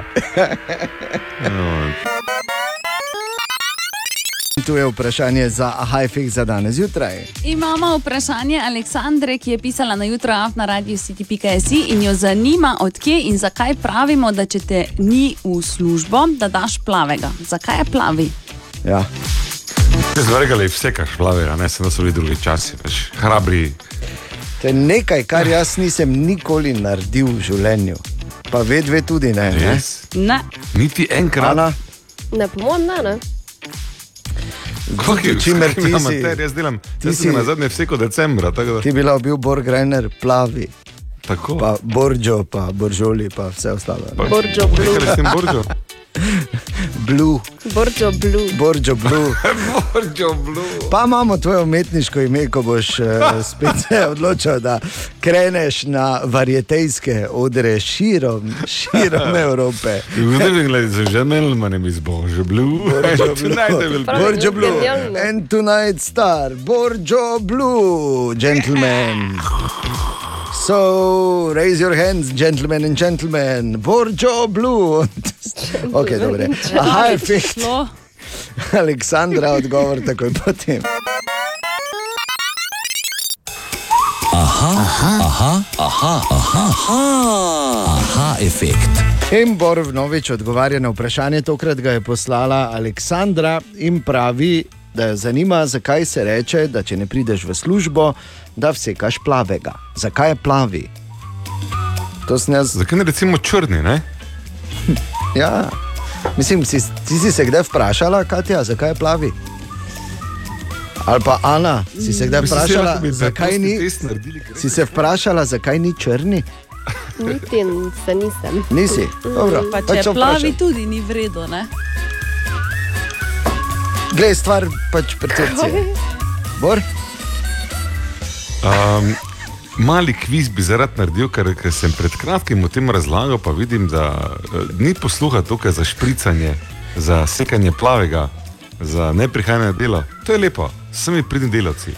Ampak vsi, ki ti plavega, prihaja iz Ausdruka Blaumachen. Ja. Blaumachen pa prihaja iz preprostega dejstva, da pri ročnem delu tisti, ki so barvali tekstil, je bilo najlažje barvati z modro barvo in ti ljudje so imeli Kakšne barve roke? ko so Ja, modre. Modre. Tako. In kje je kviz ko zdaj tu? Enega z modrimi rokami hodi okoli, pa ni bil v službi, recimo v 12. Aha. Pa je seko plavega, ne? Aha, ok. Skratka, kje je kviz? Če rekel, rad bi en kviz naredil. Ja, ne bom, ne, sem že, že pri prvem. Sam- Vem, da si ti To veselil, je samo. Sama razočaranje, to sredo. Lahko sedem pa na hitro, ne, glej, prvo vprašanje. E, Iz katerega gornjega področja prihaja plama? Pa je šel eh, čas za glej. Ali tudi vi pogosto totavate v temi? Aha, efekt, da boste vedeli več. Z velikim veseljem in ponosom v našem studiu ena, uh, potem ko je praktično stopil z aviona iz Pekinga, pozdravljamo vodjo reprezentance, uh, olimpijske reprezentance Slovenije in podpredsednika Olimpijskega komiteja Tomaža Barada. Tomaž, dobro jutro in lepo zdrav. Dobro jutro. Dobro jutro.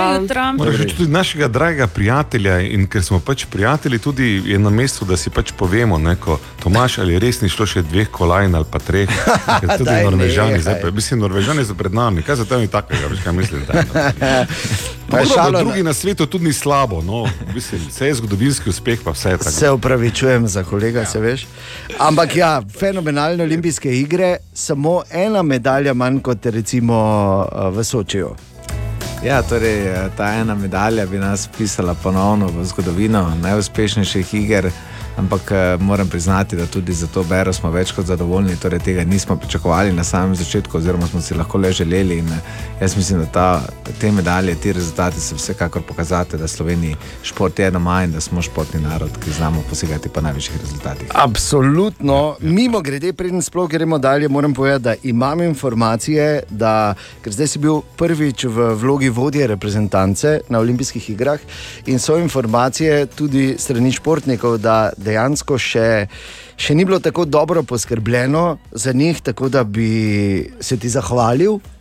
Trenutku, no, glej, tudi to je seveda izjemno pomembno, sploh zato, zakaj govorim to, ker te olimpijske igre so bile pa najbolj čudne do zdaj. Se verjetno strinjaš. Ne? Ja, s tem se zagotovo strinjam. To so bile igre, ki res, jaz nekako sem bil pripričan po Tokiu, da sem spoznal vse te ukrepe, ki bodo sledili tudi na, eh, na kitajskem. Žal temu ni bilo tako. Kitajska je drugačna država, ima drugačne usmeritve in eh, težko je bila, bilo peljati vse skupaj tako, kot eh, so si Kitajci želeli.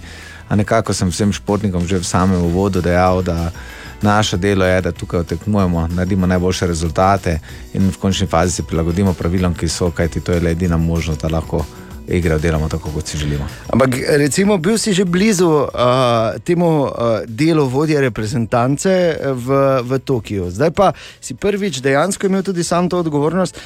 Na, na, na, na najtežjem, praktično možnem, na najtežji možni način je vseeno te kaj presenetilo, ali je bilo tako, kot si pričakoval?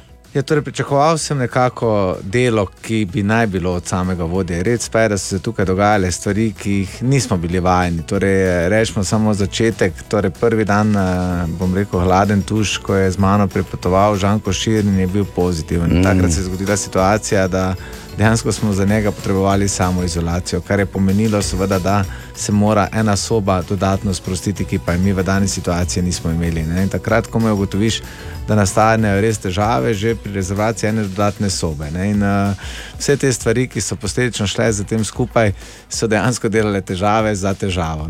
Bilo je potrebno reševati vem, tako sobe, imeli smo ogromno težav z ogrevanjem v sami stavbi, ogromno težav z zamašitvijo otokov na sanitarjih. Oj, in oj. vse te težave prebroditi in potem dejansko ugotoviš, da oseba, ki je odgovorna v, v sami stavbi za vse skupaj, ni tista, ki o tem odloča, ampak je nad njo še vsaj tri oziroma štiri takšni. Oh, in potem ja. to speljati do konca in pripeljati do konca je bilo kar. Si moral imeti kar živce, torej, ne, ampak ja.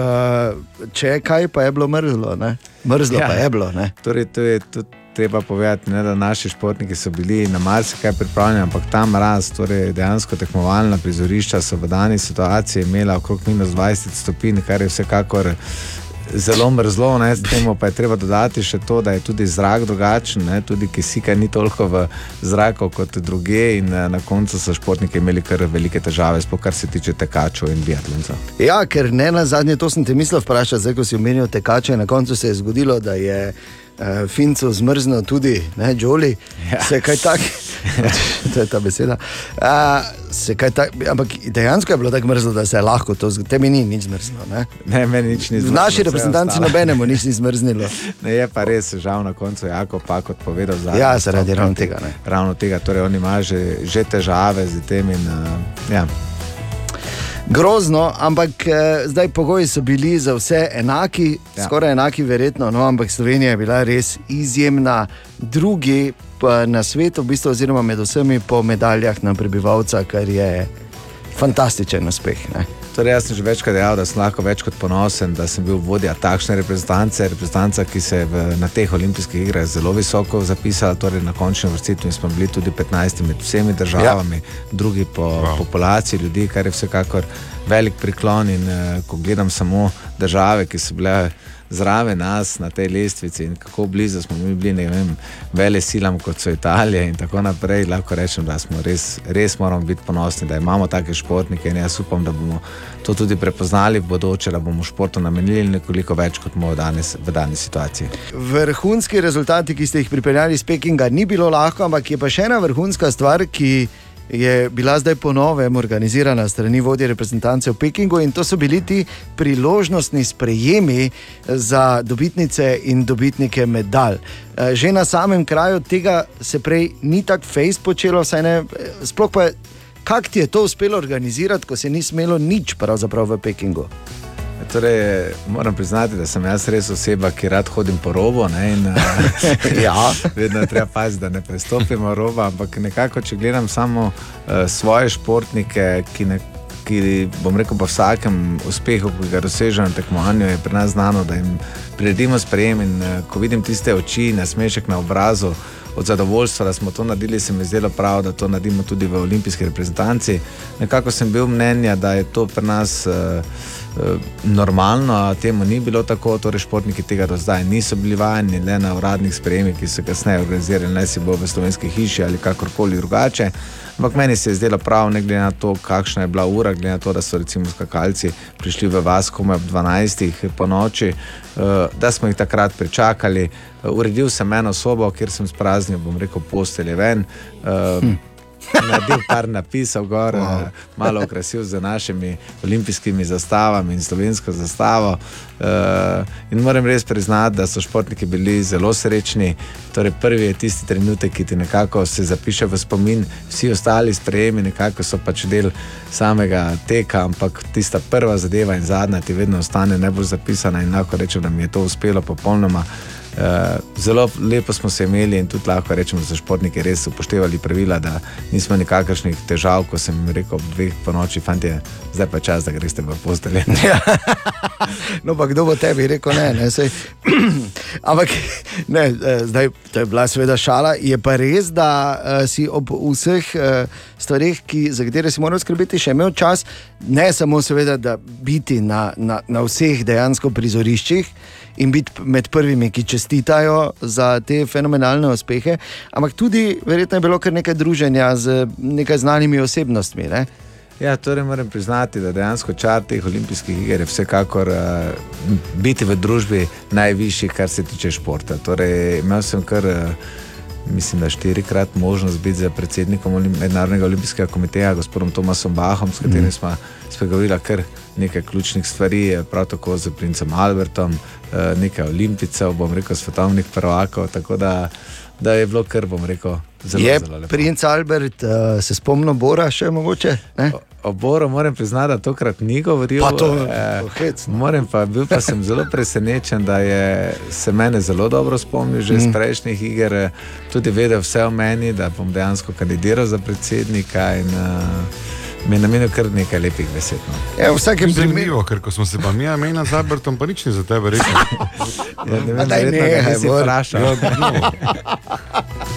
Bi pa samo rekel, da eh, je seveda to eh, tudi tako super situacija, da Uh, mislim, da še nikoli v Sloveniji ni bilo v zgodovini, pa zdaj se upravičujem, ampak to je samo moje mnenje, pa tudi morda bo malo preveč lajično, ampak vseeno moje mnenje, da še nismo imeli predsednika Olimpijskega komiteja, ki bi bil tako zelo involviran. Na eni strani prišel iz športa in na drugi strani bil tako involviran pri celi stvari. Da, uh, verjamemo, da se bo tudi tu uh, razpletlo, kot si na nek način vsi želimo, kot so se pravzaprav razpletle te zimske olimpijske igre.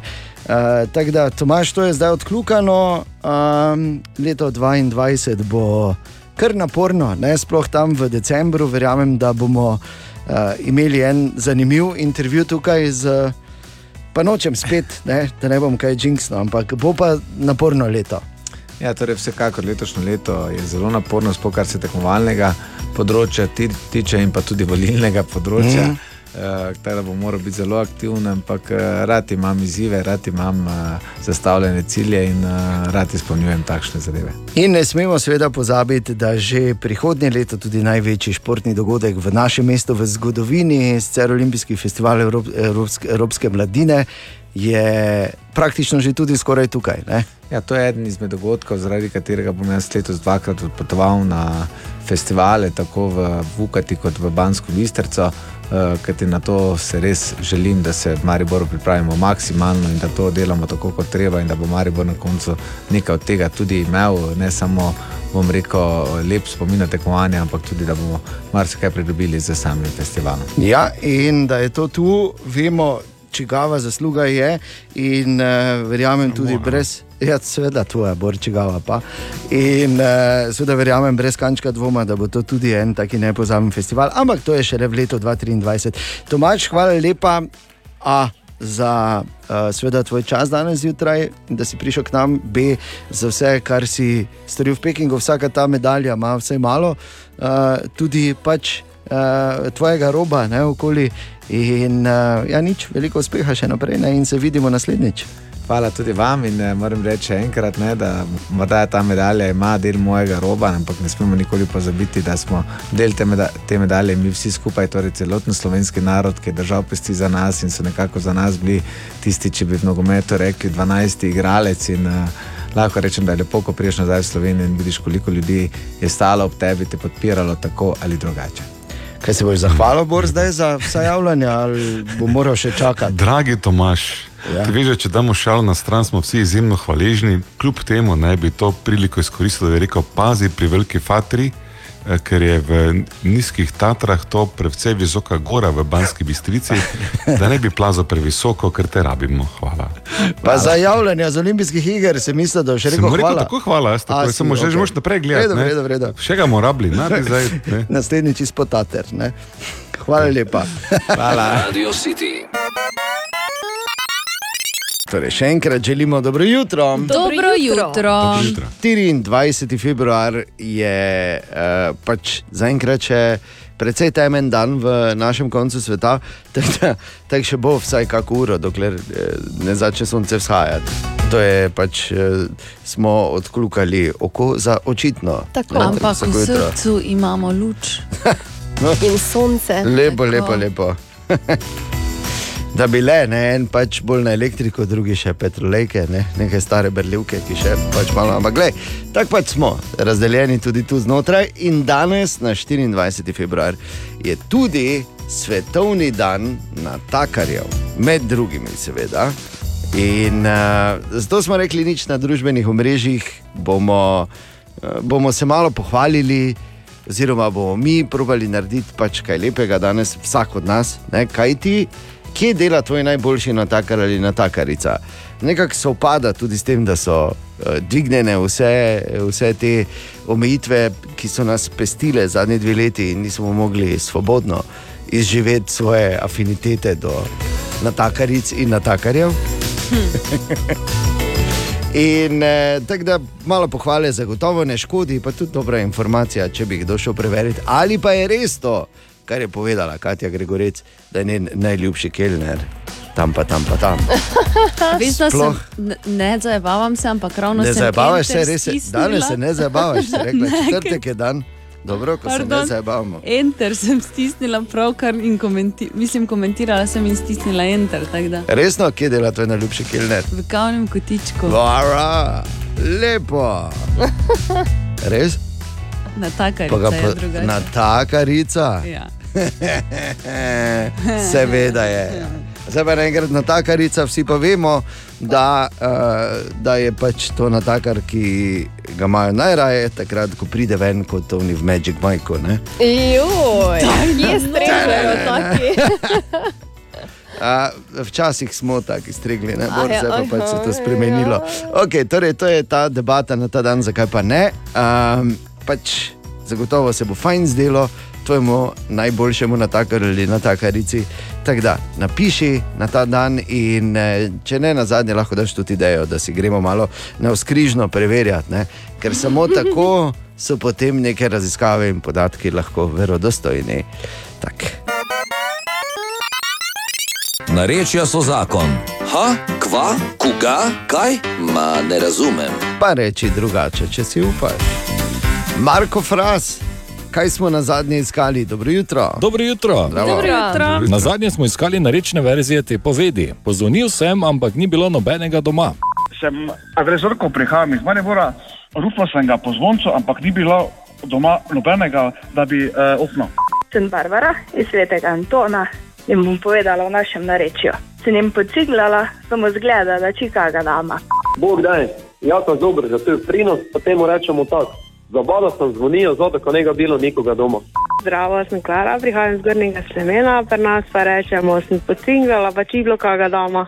Pozdravljeni, Miljana iz Prlekije. Pozvonija sin, samo je ne bija nišče doma. Jaz sem Minka, doma sem iz eh, Žižkov, prek morščine se pa glasi, uh, sem pucinkal, samo je ne bilo nikoga doma. Na Gortini pa reče, opocinglo je prbajti, pa čikaga blodama. Bog da je timu te tu zgodaninec, pri nas pa rečemo, pozvonil sem, samo kaj, če njega nikoga bilo doma. Zdravo, vlasta, tukaj sem iz Maribora, pri nas na taboru rečemo, pozvolno sem, pa ni noben ofno. V tem tednu pa iščemo narečne verzije te povedi. Ugriznil me je pes, oziroma ugriznil me je pes. Kaj pravite vi trije? Seča, sejri in samradnik. Pes me je vjo. Vjate. Vjo. Ja. Ja. Ja, pes me je vgriznil, ne? Ja. bolelo je kot pes. Oziroma, veš, kot te pes, ne? Bolelo te je. Ko te pes grizne, te boli, kot Ja, da te ja. pes grizne. Ja, Razumeš? ja, razumem, No, ja. pa to razlagam. Ampak nareča so zakon, seveda, vsak dan na naših družbenih omrežjih, fras medvr šel po drugi. Mimo grede, kaj so bili ti izrazi, uh, Marko? Dobro jutro. Ja, serbo. Ja, dobro jutro, še enkrat, ja. To smo že čuli. Kaj boš razložil te svoje izraze? Dobro jutro. Je pa lega. Na zadnje smo iskali. Na... Dobro jutro, Marta. Lepo. Nekdo pije, zjutraj ne bi kazal na očitno. Zdaj pa, re, zdaj pa resno jemlji ti, zdaj pa resno jemlji. Pardon. Ne, ne, zdaj pa resno jemlji ti ta nareča. Če za zikra mislim, da še razumem. Dobro jutro. Narečja so zakon. Želimo dobro jutro. Dobro Dobro jutro. jutro. A volitve za rektorja bojo tudi? Bom razmislil. To je vse, kar bom rekel. Bom razmislil. To soboto, torej Maribor, tabor Sežana, prva pomladanska tekma in prvič po skoraj dveh letih, ko gremo v ljudski vrt, praktično brez omejitev. In z nami gre kdo? Halo, dobro jutro. Dobro jutro, Mitja pri telefonu. O, Mitja, pozdravljen. Dobro jutro. Pozdravljen. Kako te tako lepo pozdravimo, Mitja, iz vseh strani, tup, tup, tup, tup. Preleti. Odlično, odlično, ste mi polepšali jutro. O, lepo, odkot kličeš, Mitja? A, iz Maribora. Priden. Eno vprašaj. Kaj, kaj, če bi pa iz, Ja. iz, iz bi bilo trenutno poredno. sem sicer, trenutno sem sicer v Ljubljani. Aha, aha, Aha. si videl, takoj sem čutil. Pš, Mitja, ne povej jim, ne povej jim. pš. Ne, ampak super. Uh, uh, torej, Mitja, imaš pa en poseben. da gremo dalje, to moram povedati. Ja. Mariborča, ne, tudi ga vprašaš, čuj, kje si ti, e, Maribor. Samo malo, kao, zdaj čujem, ljube. Trenutno sem na. Pa ja, pa samo sem pa. Mitja, ti pa imaš še en poseben razlog, v bistvu, ne? da si poklical za karte, če se ne motim. Ja, res je. Uh, moj sin je sedem let star, ni bil še nikoli na futbol tekmi, tako da, da mora biti to tekmo v Mariboru. Absolutno. Tako Da, še jaz upam, da dobim te dve karti, da ga lahko peljem. Eh, Mitja, da dobiš dve karti, veš kaj dobiš? Štiri karte, da lahko še kajega prijatelja, pa mamico sabo vzameta, recimo. Okay? Ne samo dve. Ja, Mitja, ker eh, to, take, to, to je tisto, eno od bistvenih stvari v Mariboru je, ne, ko oče pelje sina prvič v ljudski vrt. To je, to je en tak dogodek, za katerega upam, da se ga bosta, da ga bosta pomnila oba, celo življenje, definitivno pa radi pri tem pomagamo. Tako da štiri karte, Mitja, ne dve. Ja. Ja, malenkost, malenkost. Ti samo se potrudi, da bo eh, ta dogodek nepozaben, kako je sino ime. Tobija. Aha, in povej, da uh, ga pozdravlja tudi Borg Eh, Prvi navijač Maribora. Osebno ga pozdravljam, reče. Ne, ok, hec na stran, eh, Mitja, lepo, da si poklical s Tobijo, se imeta super in kogarkoli boste vzela še sabo in se vidimo v soboto v Ljudskem vrtu. Absolutno, hvala lepa, lep dan vsem. Enako, dio. Seveda pa imamo uh, vstopnic še veliko in jih bomo delili še danes, jutri in v soboto, tako da tudi ti lahko dobiš priložnost, da na naše stroške greš po dolgem času, brez omejitev, v ljudski vrt. O, Tine! Tudi danes zjutraj, Tine, dobro jutro. Dobro jutro. Zdravo. Dobro jutro, Tine. Kaj bomo rekli? Zdravo, Tina. Eno opažanje vedno prineseš s sabo. Ne? Nis, nič opazil. Nisi? Ne. Jaz pa mislim, da prej slišal, da si Katijo primerjal z Natalijo. A ja, to, ja, to pa ja, danes sploh. Ker kako pogledaš, je na telefon, pa tik, tik, tik. Če imam nujne opravke. Ja, saj ja, tako ona. Tako vsi govorijo, veš, tako vsi govorijo. Glej, jaz ne uporabljam družbenih omrežij. Samo to zdaj, no, Samo, ne, samo za službo, veš, to rabim. Oziroma, Ja, kaj to je mislite, za... da se te grafike same naredijo, ko so na družbenih omrežjih Ja. naših? Mhm. Ja, mhm. Vredo, te pa mi vzamite telefon. Vrži ga, razbi ga. Vrži ga, zdaj Ja, funatlo. gasni, vrži ga v WC, pa ga pusti pol ure. To, jaz znam to najboljše, če bi rabil ja. pomoč. Mogoče. Ana ima izkušnje. Ja, se In meče da daš v riš, ne pomaga. To smo se naučili. če bi me radi ubili. Mi vzemite telefon. Ja, ne? točno to. Okay. Aha, Tine, ka, kaj pa imaš za eno zanimivost?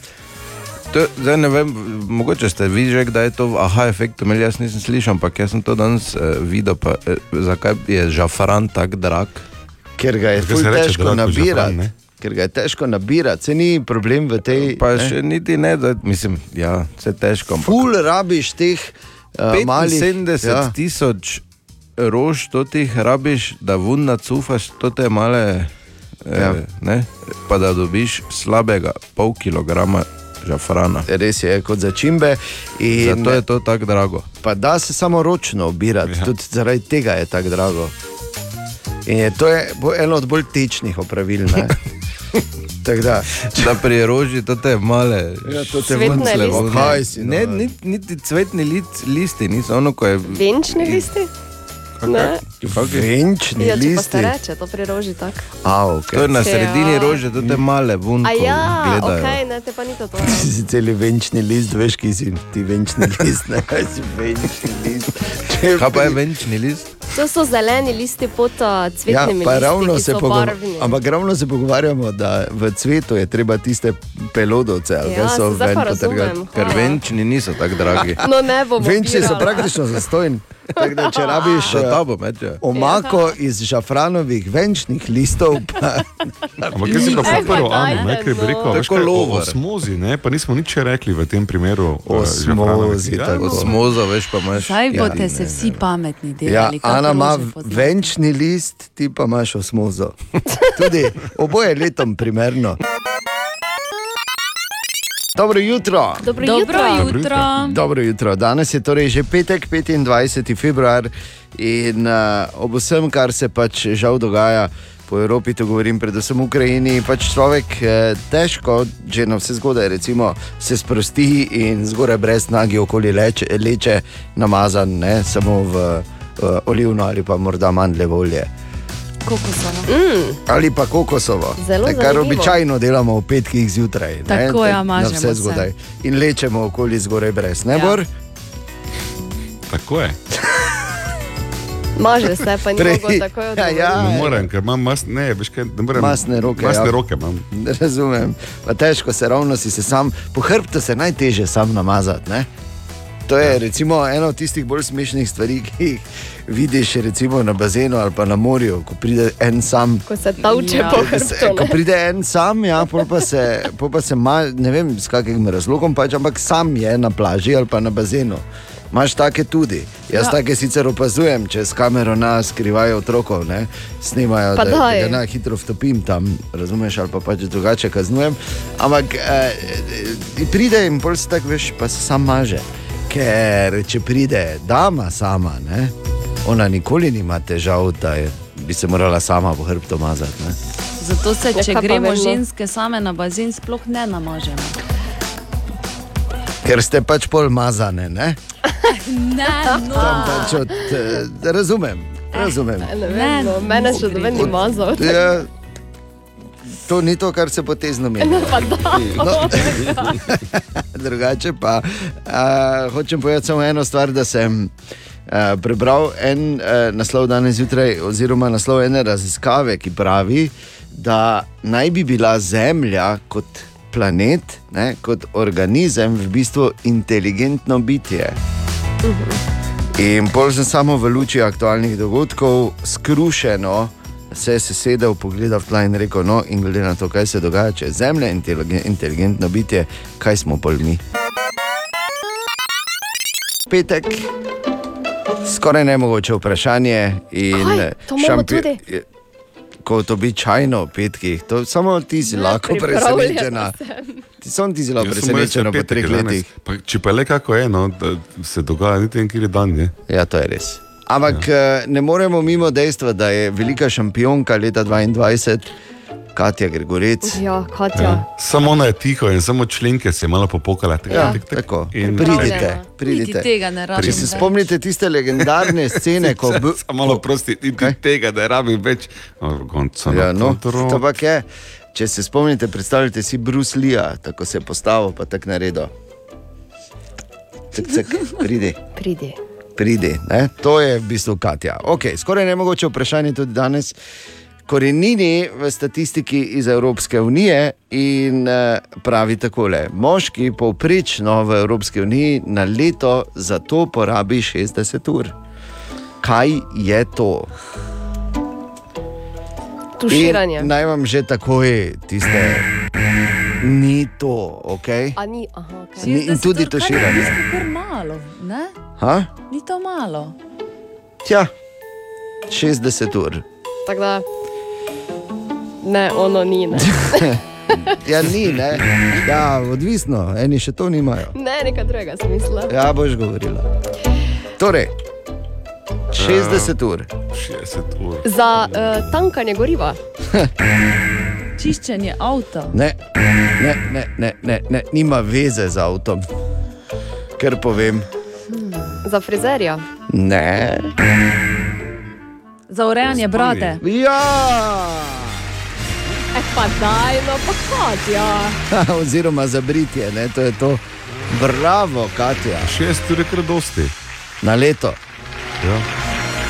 Kaj Ja, no. dosti Ti, ko briješ si ti? pustiš razrast, je dosti. Ja, danes ne, brije sploh. ne. Za, ja, veš, kako to je. Vsaka brada, ne, vsak ima brado, ve, da je, to so potrebne ure. Ne, moraš biti zelo natančen, ne pa samo da pohoblaš. Razen, Samo 365 dni krat 15 minut, recimo. Ne? Ja, tako. Ja, ja, pa kje 160 ur dobil? je, nisem jaz delal raziskave, kaj je zdaj si mene napadlo. Tako so rekli, tako je, In eh, razen, če se seveda odločiš, za, eh, da boš pač šarha vdalo, ne? pol pač ne porabiš toliko časa. Ampak drugače pa, drugače pa če A ja, ne, saj je v redu. Hvala, Jaz sem bravo, računal. kolegica. Hvala, hvala. Ne, zakaj računaš? Ne povej zdaj, kaj si narobe z Da je, računom. bom, bom povedal, jaz sem računal, če je 15 minut vsak dan je 90 ur na leto, to pomeni, da se niti vsak dan nabrije, a pa je toliko že. Je. Povprečno se pogovarjamo, Bor. Za senček, kaj ti si zmago ti zdaj? res? Čisto. In spet naredil zgodbo o sebi. To ne moreš verjeti. No, včeraj je bil en poseben dan v našem mestu, tudi zato, ker je 80. rojstni dan praznoval uh, legendarni meščan našega mesta in oče slovenske, pa tudi včasih jugoslovanske smočarije, Tone Vogrinec, Tona. Torej, in na predstavitvi njegove knjige, kličejo me Tona, uh, je bil tudi Bor. Bor. Ja, pa k- kaj bi človek imel lepšega za rojstni dan, da ima polno dvorano znamenitih Mariborčanov in predstavnikov smučarije v Sloveniji, ki se mu zberejo za 80. rojstni dan, da malo poklepetamo o knjigi, ki jo je skupaj s Tonetom Vogrincem napisal Marko Radmilovič. Običajno rečemo, da je napisal eden za drugega, ampak eh, kot je Marko včeraj povedal, to- je tak neizčrpen vir z slonovim spominom in hkrati tudi uh, lektorsko tako natančen. Je rekel, da knjigo, ko ste napisali, po pač nekaj mukah, zmes je malo ostalo, so praktično izdelano predali. Ampak em, to, kar je zanimivo, da včeraj na sami predstavitvi ni manjkalo uh, takih legend, ob Tonetu seveda, kot je Bojan Križaj. In Nesramno sem Toneta seveda najprej vprašal, kdo pa je najboljši smočer vseh časov v Sloveniji. A, misliš, da, da ne bom rekel, da je križaj? Ne, vse sem vedel, ne, tudi če bi, ne, ampak ok. Ne.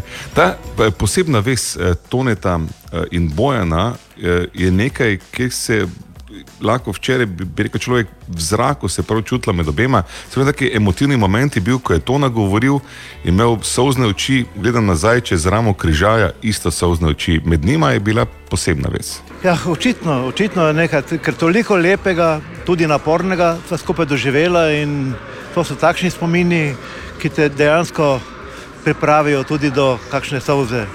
Jaz sem pa zlasti na tem področju relativno občutljiv in to se mi večkrat dogaja. Ni edini, Bojan o Tonetu govori podobno.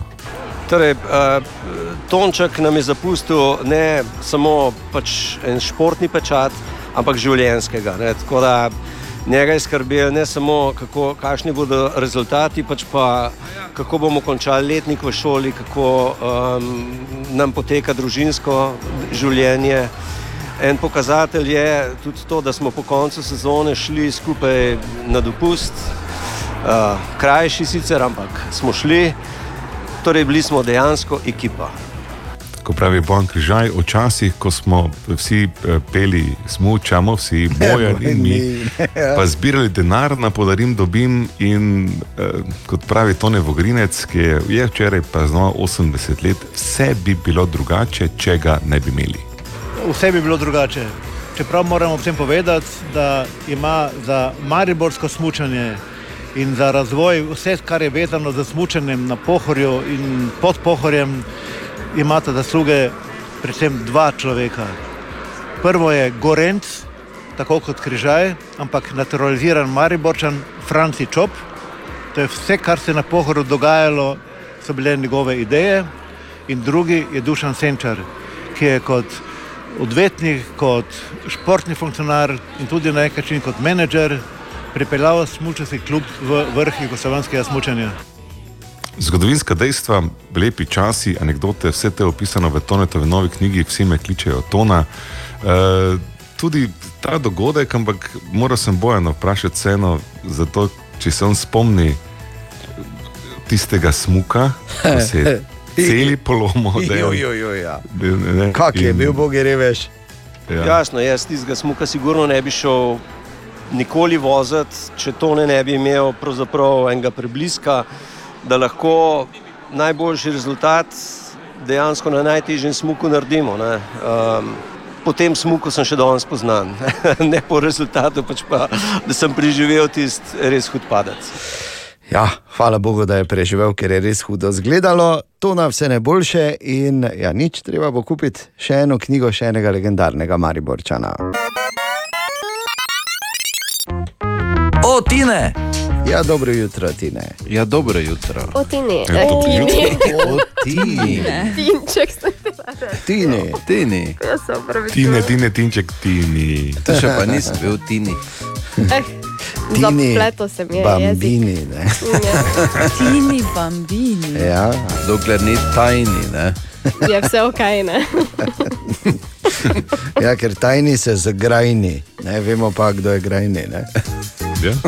O moj Ja. bog, kam smo že? Kaj, če Ja. to je eskaliralo Ja, no. v roku pol minute, pardon. To je tako dolgo rabilo. Te vse poti vodijo k meni, vidiš, da v dve koraki Ja, zdaj pardon, Bor, nisem podvomila v to, da vse Tako tako, tako. Gospod Rim. Torej, Tine, kaj imamo za eno opažanje danes in kaj imamo za eno zanimivost? Da sem kljub temu, da napovedujete dež z biciklom, z biciklom ker sem vam pogledal, pa ni bilo oblaka, pa sem mislil, kaj to Ja. zdaj. Da ne dobim ob dveh popoldne sporočila, slučajno. Nisi mi Ne povedala. boš. Ne? Ja.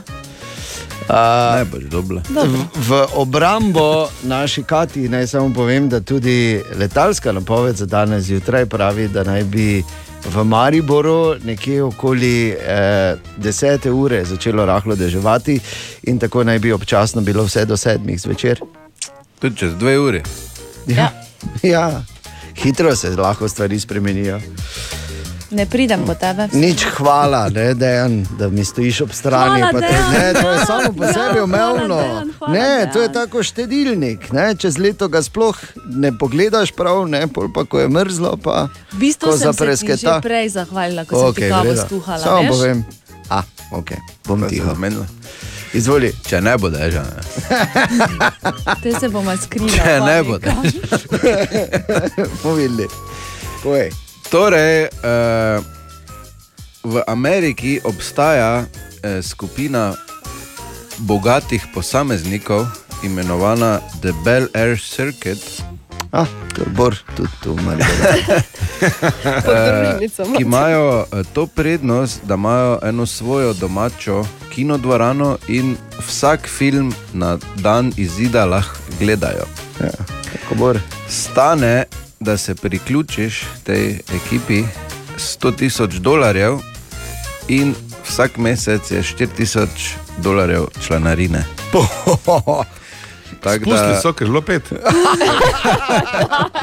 Taki cajti so, ne? Ja, da pač moraš ne Tako moreš da bom jaz rajši na mojega brata, pirata, počakal. To je res lepo, ja, kot tvoj brat, pirat. pirat. Aha, aha, aha, aha, aha, aha, aha, efekt.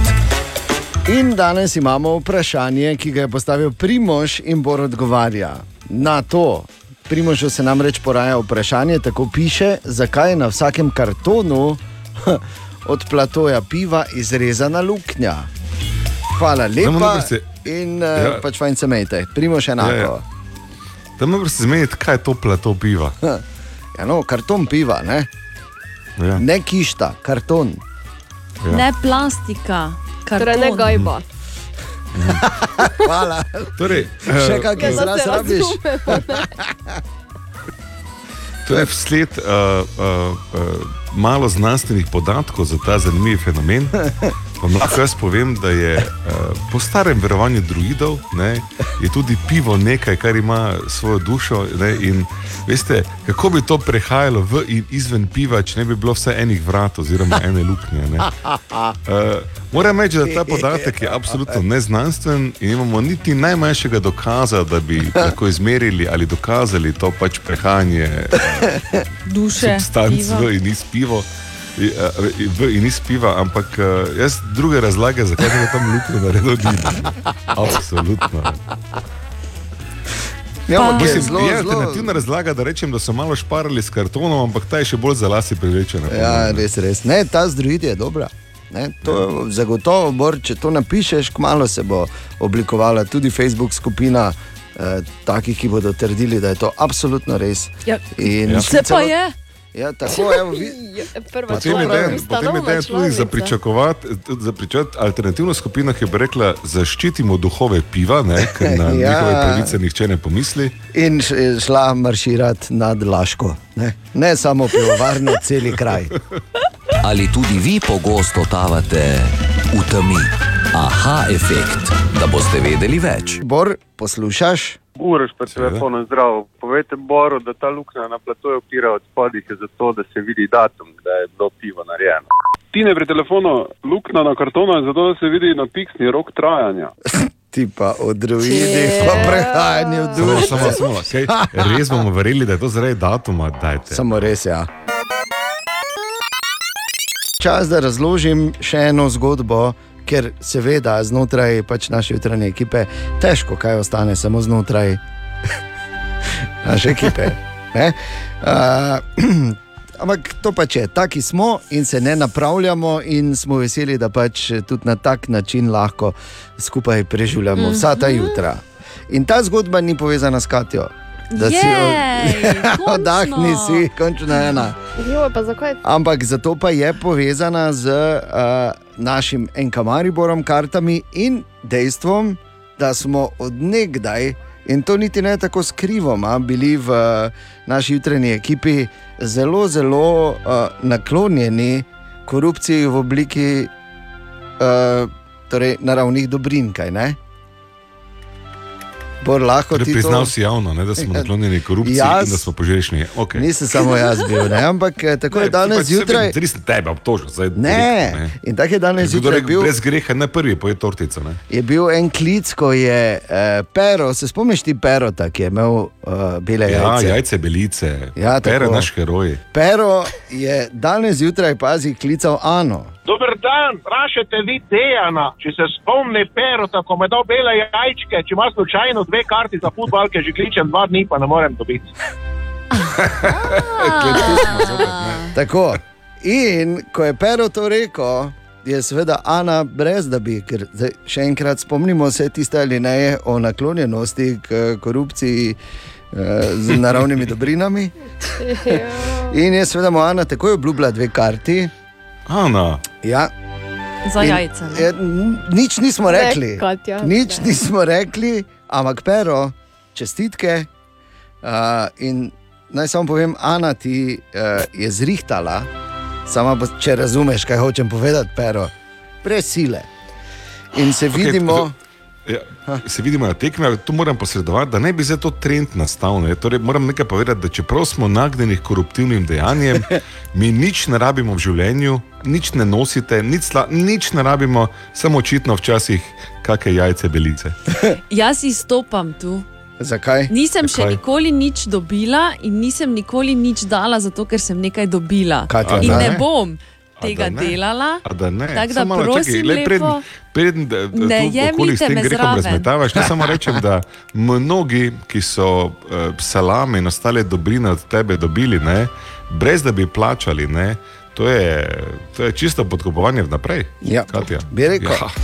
In ne smeš, ja, se vem, pusti ga, se razumem. Lej, ne rečem, da je slabo in ne rečem, da se moram nehati, ampak Pa je tudi moraš vedeti, da je borova pozornost je v bistvu najlepša naravna dobrina, ki jo lahko dobiš Ja. iz dneva v dan. Dobra, mali in stari. Podcast jutranje ekipe.